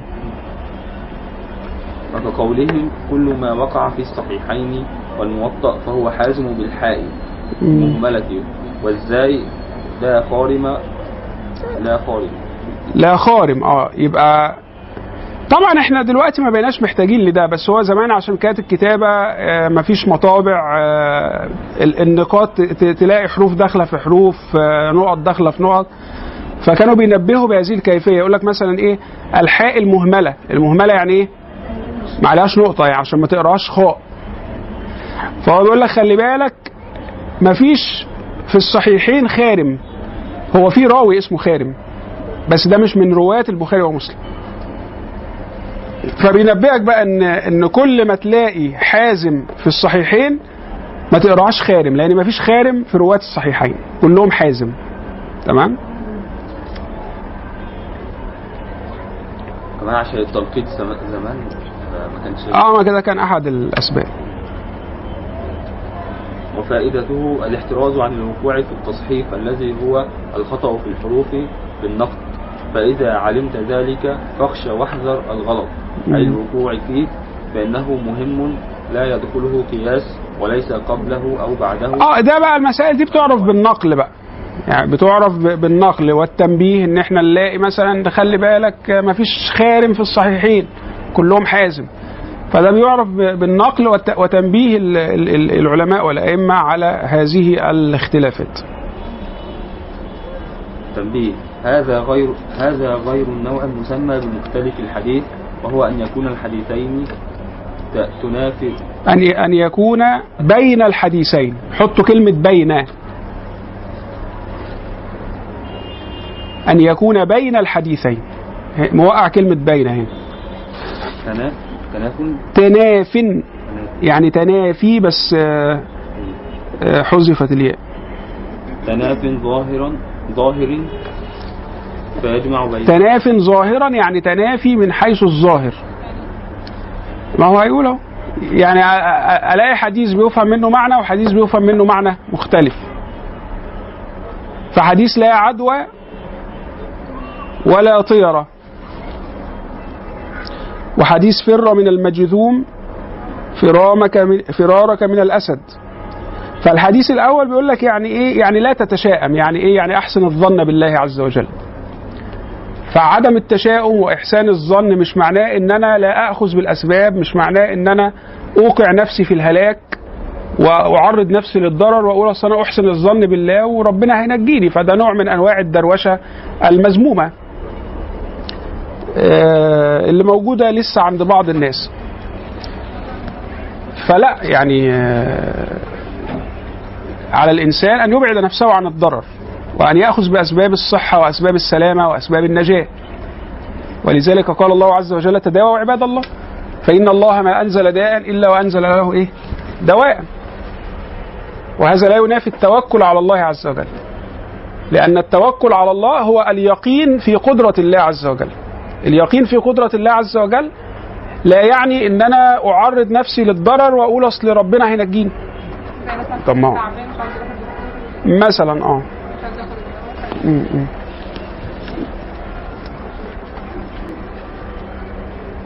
يلا. فيجمع بينهما كحديث لا عدوى ولا طيرة. ولا طيرة. ولا طيرة. مع حديث فر من المجنون فرارك من الأسد. آه في تقاليع بقى بتطلع. واحد يقول لك اصل أنا بتشائم دي بقى عند اللعيبة. زمان أيام ما كنا بنتابع الكورة كان في لعيبة كده ما يحبش ياخد رقم 13 في الفريق. كان في لعيبة كده بي بي بي- بيحبوا يقول لك الل- الل- اللعيبة دايما بتهرب من رقم 13 لأن هي بتتشائم لأن هو كان مش عارف مين في منتخب بريطانيا في كأس العالم مش عارف سنة 1952 كان اللعيب ده رقم 13 فالكرة كانت بتقلش منه ومش عارف إيه فمن ساعتها بقى اللعيبه بقى بيتشائموا برقم 13 ما حدش يلبس الفانيلا بتاعت رقم 13 فطبعا هذا تشاؤم مذموم يعني. في واحد يقول لك أنا بتشائم من اللون من اللون الأزرق. أنا ممكن أحب لون من الألوان أكتر من التاني. مرتاح له نفسيا آه، وممكن ما أحبش لون عادي يعني. بس بس ما يبقاش الم- الموضوع يعني تشاؤم واعتقاد بإن أنا لو لو لبست اللون اللون ده آه، لازم هيحصل لي حاجة أو هقع في البلاعة وأنا ماشي أو هيخطفوني أو. آه ف فده كله يعني من إيه؟ من من عادات الجاهلية أو آه، بيبقى مأخوذ من فلسفات آه، وثنية زي بيحصل في التنمية البشرية للأسف. تلاقي يقول لك الدكتور ما أعرفش مين آه، وتلاقي بيحضر له آه، 3000 في المحاضرة والتذكرة بتاعته ب 500 جنيه تدفع 500 جنيه عشان تعرف تحضر له المحاضرة. و وهم أصلا بي- بيقولوا حاجات كلها فيها حاجات زي كده من من عادات الجاهلية. آه، بيحطوا لها أسماء جذابة ومش عارف إيه عشان خاطر يروجونها. آه آه، لكن هي آه، يعني اللي حضر حتى محاضرة الاستلحاد كان الأخ رامي عفيفي يتكلم عن الموضوع. فقال إن هي أصلا كتير من هذه الأشياء مأخوذة من فلسفات آه، وثنية بوذية أو يابانية أو شرقية أو صينية أو كذا يعني. وتروج باعتبارها يعني حاجات علمية وهي ليست علمية ولا شيء. يلا يا سيدي. حديث المنكر والمنكر الحق به راو غدا. تعديله لا يحمل التفردا يبقى الحديث المنكر انفرد بروايته راو ضعيف. سواء خالف أو ما خالفش. خالف ال- ال- الثقة أو ما خالفش الثقة. لكن مجرد إن أنت تفردت وأنت ضعيف لا يقبل تفردك. عشان نقبل تف- تفردك وناخد منك الحديث اللي أنت متفرد بروايته لازم تكون ثقة. فلو واحد تفرد بحديث وهو ليس ثقة كان ضعيف يبقى ده آه، بنقول على حديثه منكر. إذا كان بقى متفق على تضعيفه وتفرد بالرواية بنسمي الحديث بتاعه إيه؟ متروك. ماشي؟ خدوا بالكم الفرق بين المنكر والمتروك. الراوي اللي تفرد بالحديث. تفرد بالحديث يعني هو بس اللي روى الحديث ده. إذا كان ثقة إذا كان الراوي ده ثقة مفيش مشكلة. هنقبل الحديث بتاعه اللي هو تفرد بروايته ده بشرط إنه ما يخالفش اللي أوثق منه. لأنه لو خالف اللي أوثق منه هيبقى حديثه إيه؟ شاذ. ما هو الشاذ ضعيف برضه. تمام؟ طب اللي تفرد ده كان ضعيف. نشوف متفق على ضعفه ولا الراجح إن هو ضعيف بس في ناس وثقته لو متفق على ضعفه بنسمي حديثه متروك. لو مش متفق على ضعفه بنسمي حديثه منكر. ده باختصار يعني. يبقى المنكر راوي ضعيف تفرد بالحديث بس الراوي الضعيف ده مش متفق ليس متفقا على ضعفه.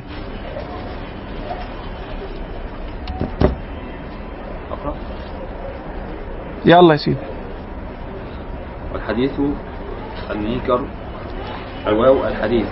المنكر أي تعريفه الحديث الفرد أي الذي انفرد به أي بروايته واو موصوف بكونه غدا أي صار تعليله أي توثيق الغير إياه توثيقا لا يحمل أي لا يحتمل التفرد آه يعني حالته حالته كده من حيث الضبط وما إلى ذلك ما تحتملش إن هو يا زي مثلا آه، جبت مثلا طفل شايلته 150 كيلو حديد مثلا يعني فلا ما نشيلوش أكبر من طاقته فهو الراجل عشان ما هوش من الثقات المعروفين بالثقة فما هن يعني مش مش هنحمله فوق طاقته ونقول له إن أنت قوي على أن تتفرد بالرواية ونقبل تفردك ونأخذ منك الرواية.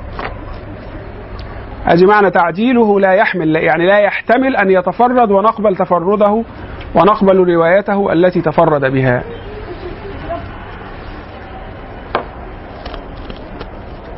يعني لا يبلغ من العدالة والضبط مبلغ مب- مبلغ من- من يقبل تفرده. من يقبل من يقبل تفرده. تفرده. تفرده. بل هو قاصر عن ذلك. أيوه. أو تحط فصله منقوطة لأن الفصله المنقوطة تفيد التمثيل أو تفيد التعليل.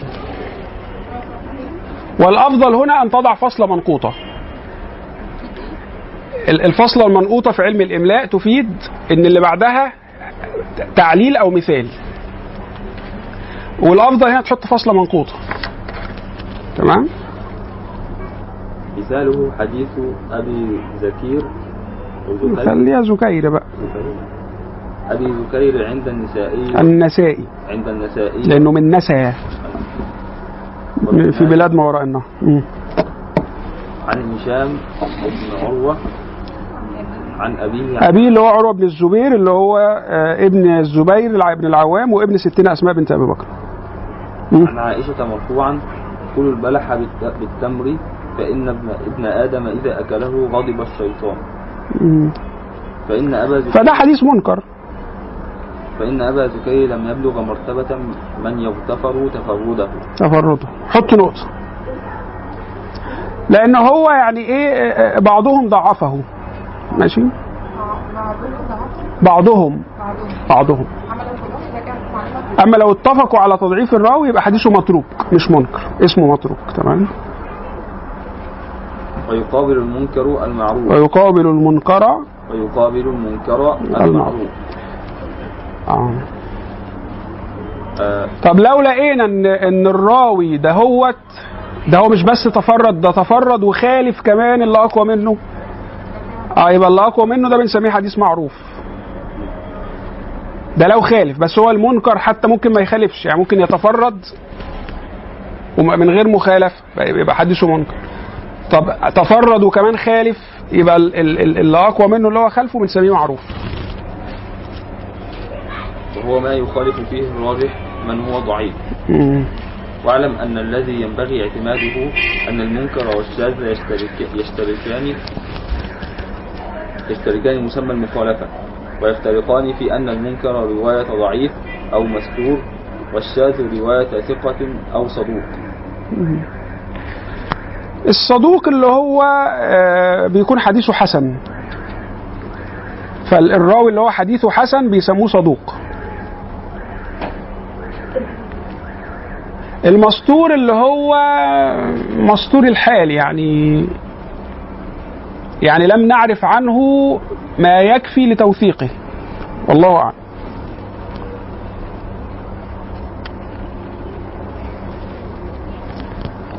بيسموه مستور لم تتحقق أهليته. الضعيف عرفنا حكايته لقينا ضعيف. المستور لسه مش عارف يعني البيانات اللي موجودة عنه محدودة. ما عنديش بيانات كافية عشان خاطر أحكم عليه. فده بيسموه مستور لم تتحقق أهليته. فده بتبقى لما نلاقيه في الروايه بيبقى محتاج شاهد يشهد له أو متا- متابعة أو شاهد. شرحنا المتابعات المتابعات والشواهد قبل ذلك. حيث المتروك؟ خلاص بقى المتروك والموضوع. هم اللي باقيين. يلا. ثلاث صفحات. هنكرهم في عشر دقايق. يلا. مش هنأخركم كتير إن شاء الله. مش مش كروته يعني بس إحنا بنراجع. يلا يا سيدي.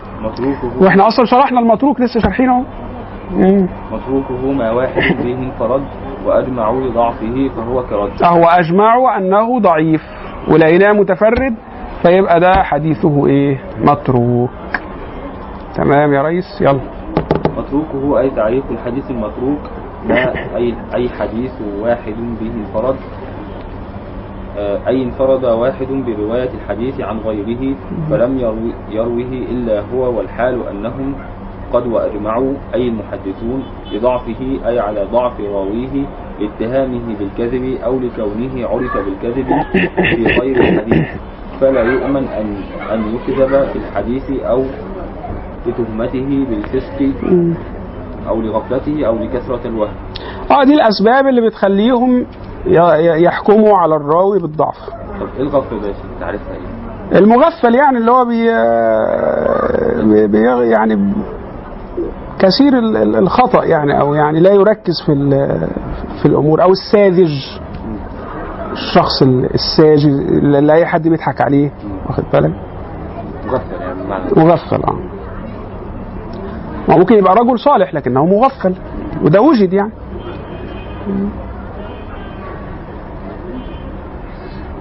فهو أي المتروك أي حكمه كرد أي مثل المردود أي الموضوع في كونه من أنواع الضعيف وإن كان أخف منه كما تشعر تشعر به. كما تشعر به كاف التشبيه.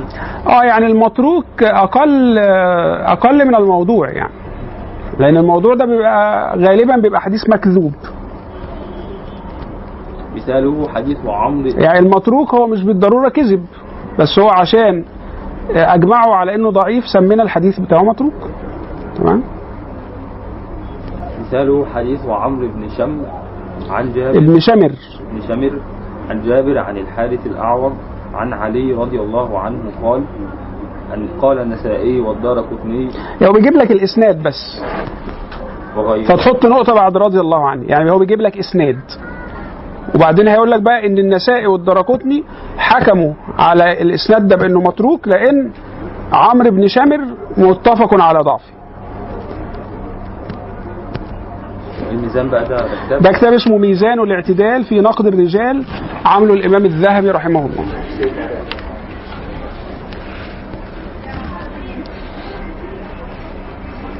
الموضوع؟ خلاص.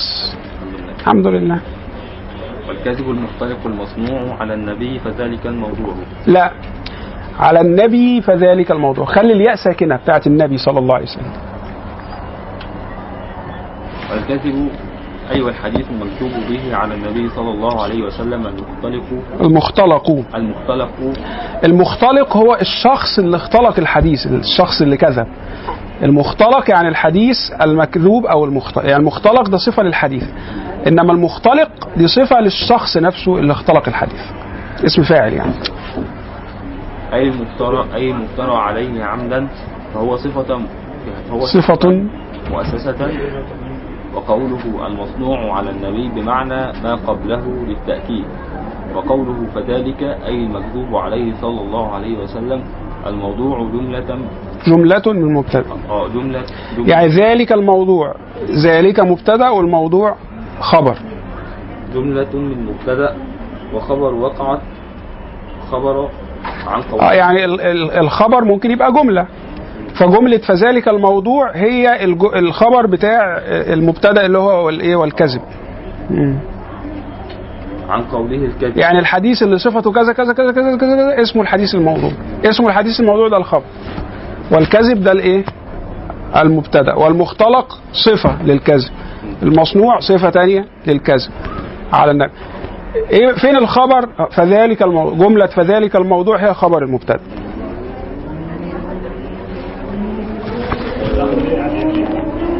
وقيل الكذب على النبي صلى الله عليه وسلم نظرا للغالب وإلا فكذلك الكذب على غيره كالصحابي والتابعي وعد الموضوع وعدوا الموضوع. وعد أو ممكن وعد. حط بس نقطة بعد والتابعي يعني لو أنا كذبت على الصحابي يبقى ده موضوع على الصحابي. لو أنا كذبت على التابعي يبقى ده موضوع على التابعي.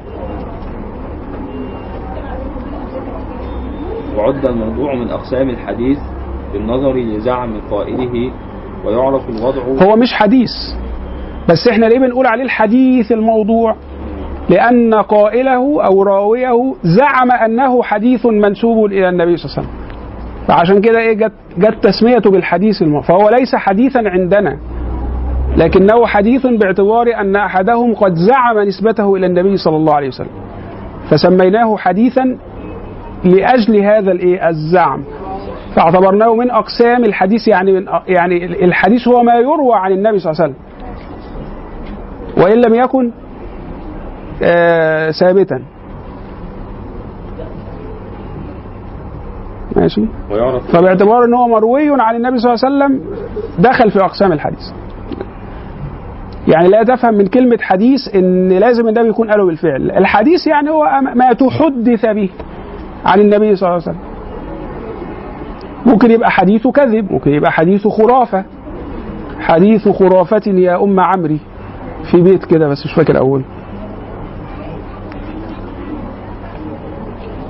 وما أكثر حديث الخرافة في هذا الزمان.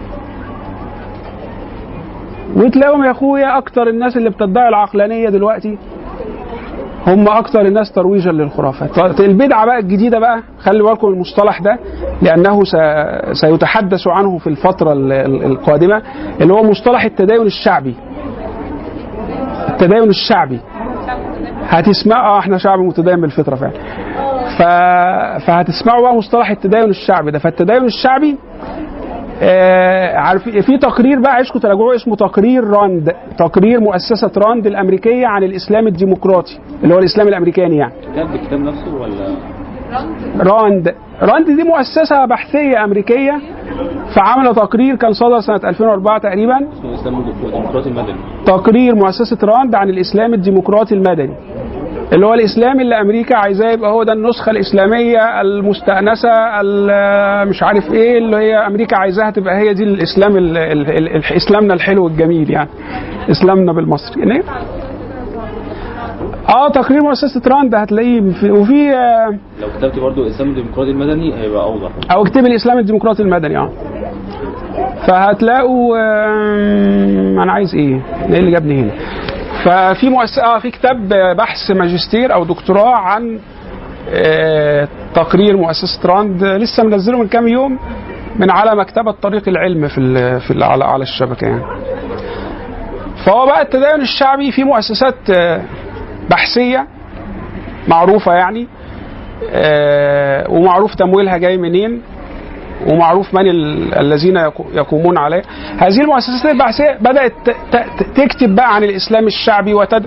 الإسلام الشعبي ان هو يبدأ يجمع لك كل عناصر الخرافة اللي موجودة في الثقافة الشعبية اللي هي أصلا تؤدي إلى تخدير الناس وتؤدي إلى ان إن الدين يبقى يبقى غير إن الدين يبقى غير فعال إن الدين يبقى غير مؤثر في المجتمع. أغلبية اللي هو الدين إيه؟ إن أنا أمسك سبحة وأقعد في الجامع يعني. ماشي؟ إنما يبقى الدين فعال يبقى الدين مؤثر يبقى الدين بيعمل نهضة يبقى الدين بيبني الأمة يبقى الدين بيستعيد ال- الريادة يبقى الدين بينبهنا إلى إلى المخاطر. لا هو مش عايز الدين اللي هو اللي هو دوت يعني. هو عايزني إيه؟ أنا راجل درويش كده ماسك سبحة وقاعد في الجامع وبصلي على النبي وخلاص. آه آه. آه. ويبدأ بقى يجيب لك حاجات كده قالها بعض ال- الجهلة. الذين مثلا ادعوا التصوف على حاجات مش عارف آه، من الباطنية على حاجات من ويعمل لك ميكس كده يسميه التدين الشعبي. فيقول لك إن هو ده بقى إسلامنا الجميل اللي المفروض إن إحنا إيه آه نبقى عليه يعني. نعم؟ هو بيتكلم عن السوء عن آه أنا والله ما قرأتوش بصراحة ما قرأتوش يعني لسه هو بيتكلم آه، هم بي بي زي إيه بينصحوا الإدارة الأمريكية آه. بكيفية التعامل مع العالم الإسلامي آه بيقسموه بقى طبقات طبقة آه. بيسموهم بقى هم اللي بيدوا المسميات دي آه، الأسماء دي آه علمانيين أو ليبراليين أو آه، مش عارف آه، متشددين. وهكذا بعض صناف المجتمع بالتصنيفات دي. وبيقولوا بقى إيه كيفية التعامل يعني الإدارة الأمريكية مع يعني مين مين المفروض يدعم بالمال وال والإعلام وكله. مين الفئة المعينة المفروض تدع- تدعم؟ وهكذا بقى بيقولوا السياسة المفروض الإدارة الامريكيه تاخد- تاخدها وهكذا يعني. أنا عرضوا عليا يعني. مبلغ كده مغري عشان أطلع في حلقة بس ما رضيتش. لأن هو كان الأمر موظف في هذا الإطار يعني. يعني تصنيفهم إحنا عندهم؟ نعم. آه للأسف. آه ما هو هو بيبدأ بكده يعني هو يبدأ إن هو لما ي- يلاقي حد عنده القدرة على الكلام أو الإقناع أو كده يبدأ إن هو يحاول يكتسبه يعني آه، ويضمه إلى صفه لكي يستفيد من كلامه خاصة إذا كان ليه جمهور أو كده يعني. مش كده بيبدأوا يتبعوا بقى طرق وأساليب أخرى مع الناس. يلا يا سيدي. الناس اللي ورا الحيطة لسه قاعدين ولا إيه؟ طيب. وعد الموضوع من أقسام الحديث بالنظر لزعم قائله ويعرف الوضع بأمور منها إقرار قائله إقراره إقرار قائله وركة وركة أحط فاصلة بقى. لأن دي إيه أسباب أو وسائل متعددة كشافات الوضع بقى. إزاي بنعرف وضع الحديث؟ إيه العلامات اللي بترشدنا إلى إن الحديث ده موضوع؟ هو الراجل نفسه أقر إن هو كذاب. ماشي؟ هو بيقولش على نفسه بيقولش يا جماعة أنا كذاب. هو بيقول إن أنا آه، حبيت يعني أخلي الناس يتجوزوا مثلا أو أعمل تيسير آه، الزواج للشباب. ف وهو كان ممكن يبقى راجل واعظ كمان بس جاهل أو مغفل. فيطلع على المنبر ويقول أيها الناس من زوج ابنته إلى الشاب مثلا من غير مهر واداله عليها فلوس كمان يبقى إيه؟ هو هو يعني كويس إن أنا أساعد الشاب المتقدم لبنتي بس لا أنسب إلى النبي كلام هو ما قالوش يعني.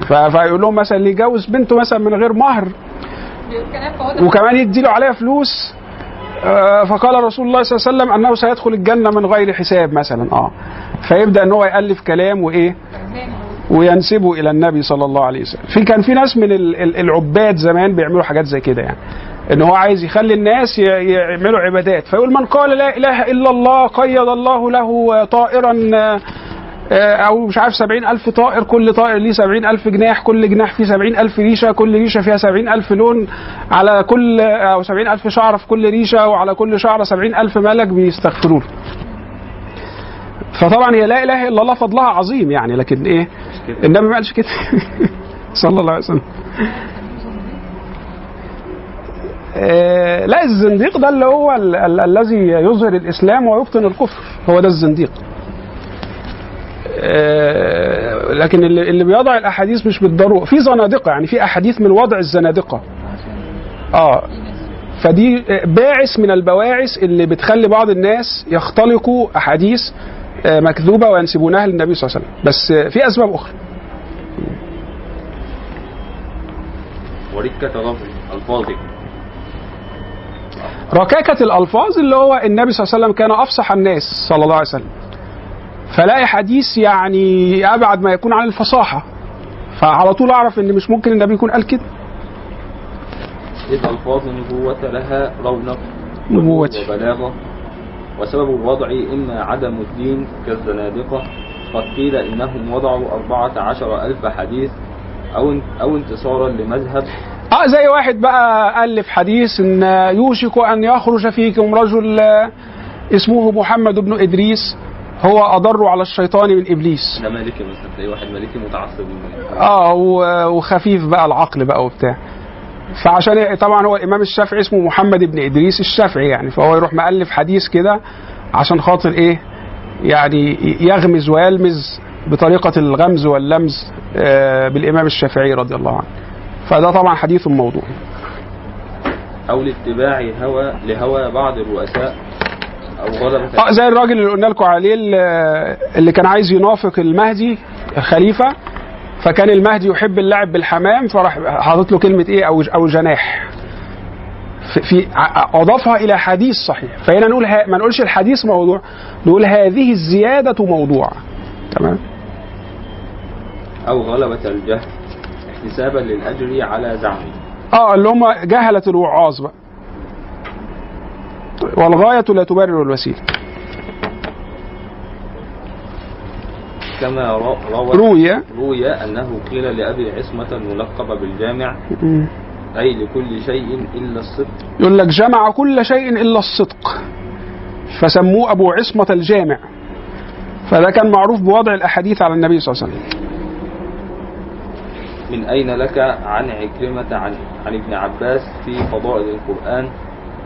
سورة إيه سورة سورة. هو يقال يعني كثير من الأحاديث المروية في فضائل القرآن أحاديث موضوع. كثير منها يعني. فدي اللي وضعها كانوا ناس يعني ممكن يكونوا من العباد الزهاد بس مغفلين. فقال يعني عشان خاطر نخلي الناس يقروا القرآن فنروح إيه؟ حاطين أحاديث إن اللي يقرأ السورة الفلانية مش عارف يجي له ملك من الجنة يشيله على جناحه ويعمل فيه ما أعرفش إيه وكده يعني. وليس عند أصحاب عكرمة هذا.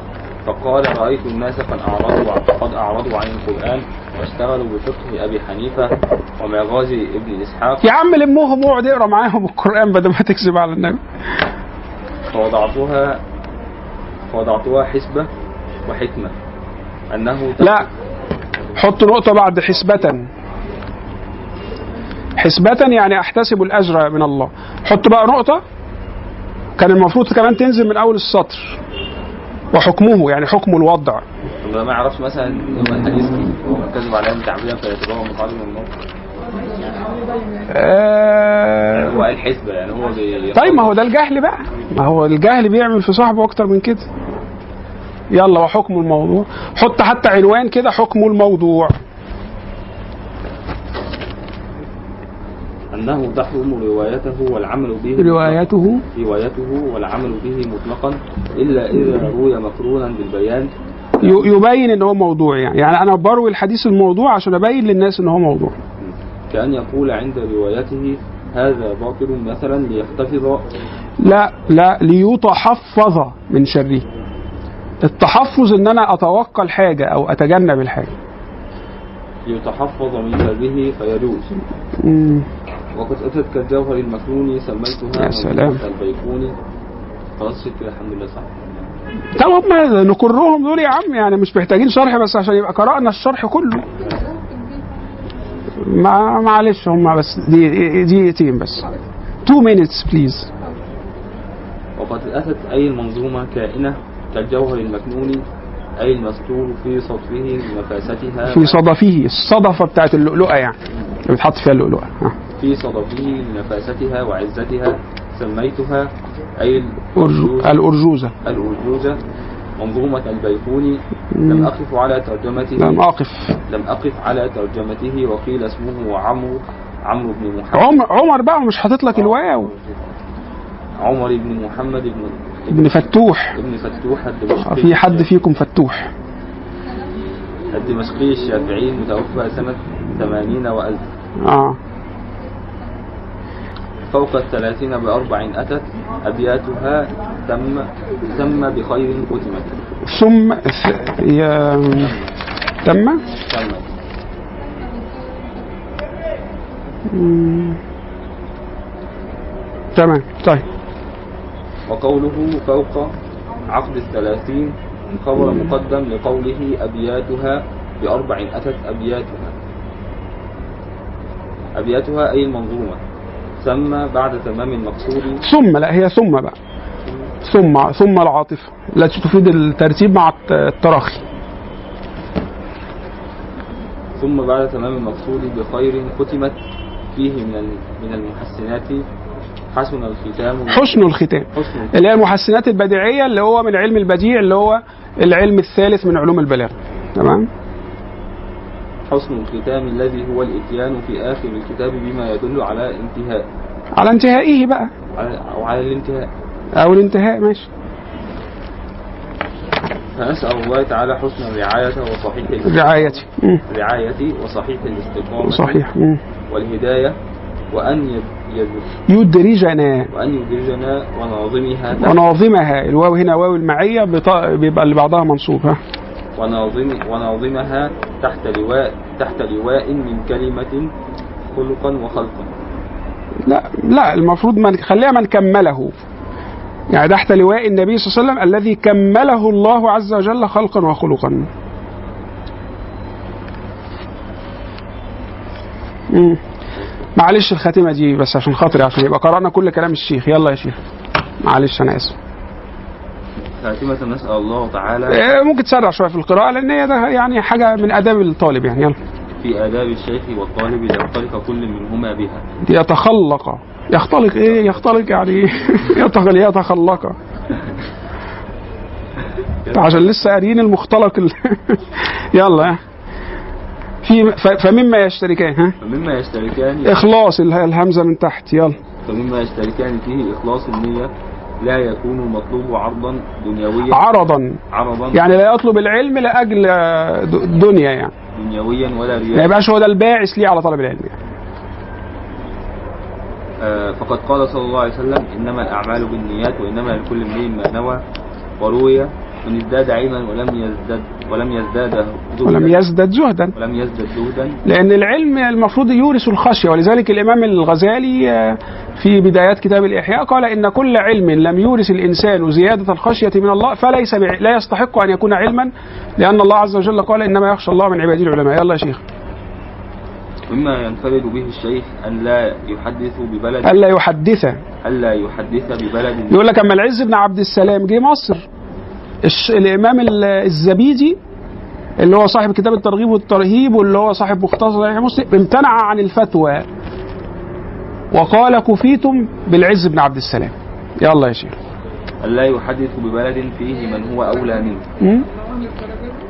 آه، من باب يعني تعظيم لأن طبعا العز كانت مكانته في الفقه أعلى من مكانة الإمام الزبيدي يعني.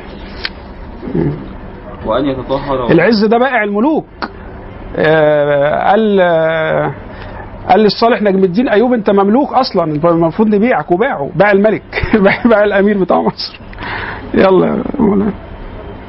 وأن يتطهر ويجلس بوقار ولا يحدث قائما ولا في الطريق آه. يفتتح بالبسملة افتتح يفتتح بالبسملة والتحميد والصلاة والسلام على البشير النذير صلى الله عليه وسلم وألا يقوم حال تحديثه لأحد.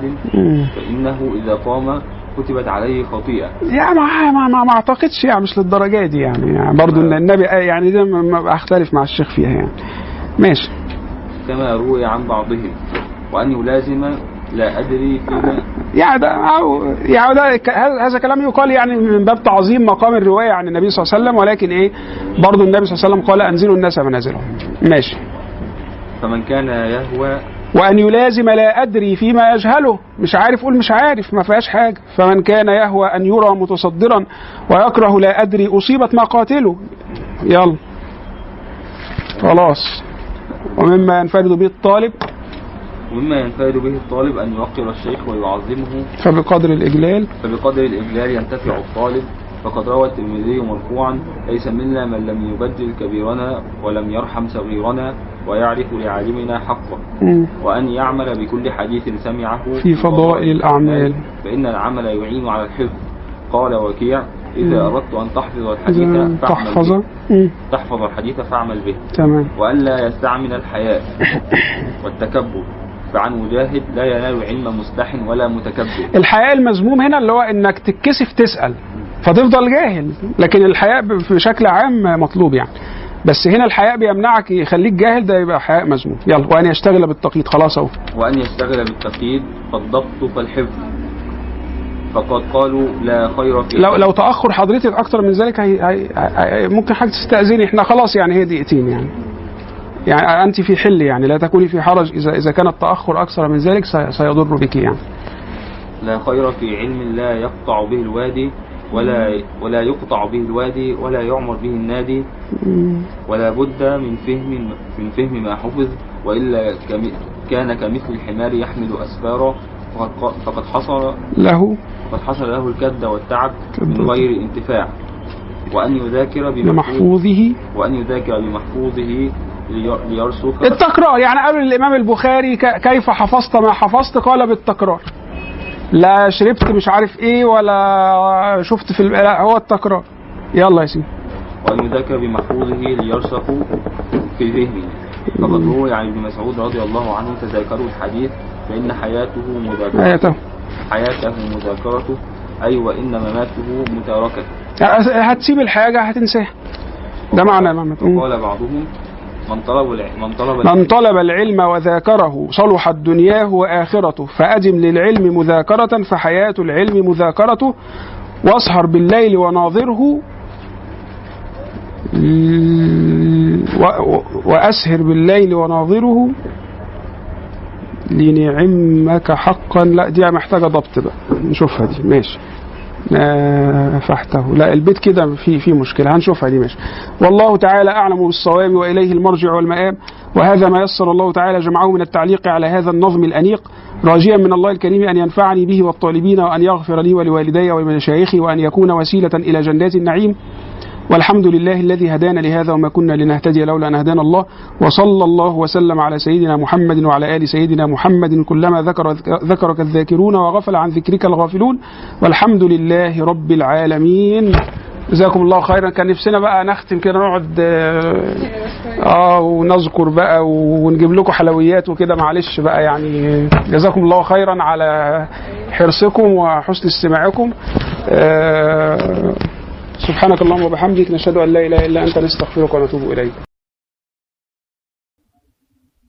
هو الذي بعث في الأميين رسولا منهم يتلو عليهم آياته ويزكيهم ويعلمهم الكتاب والحكمة وإن كانوا من قبل لفي ضلال مبين.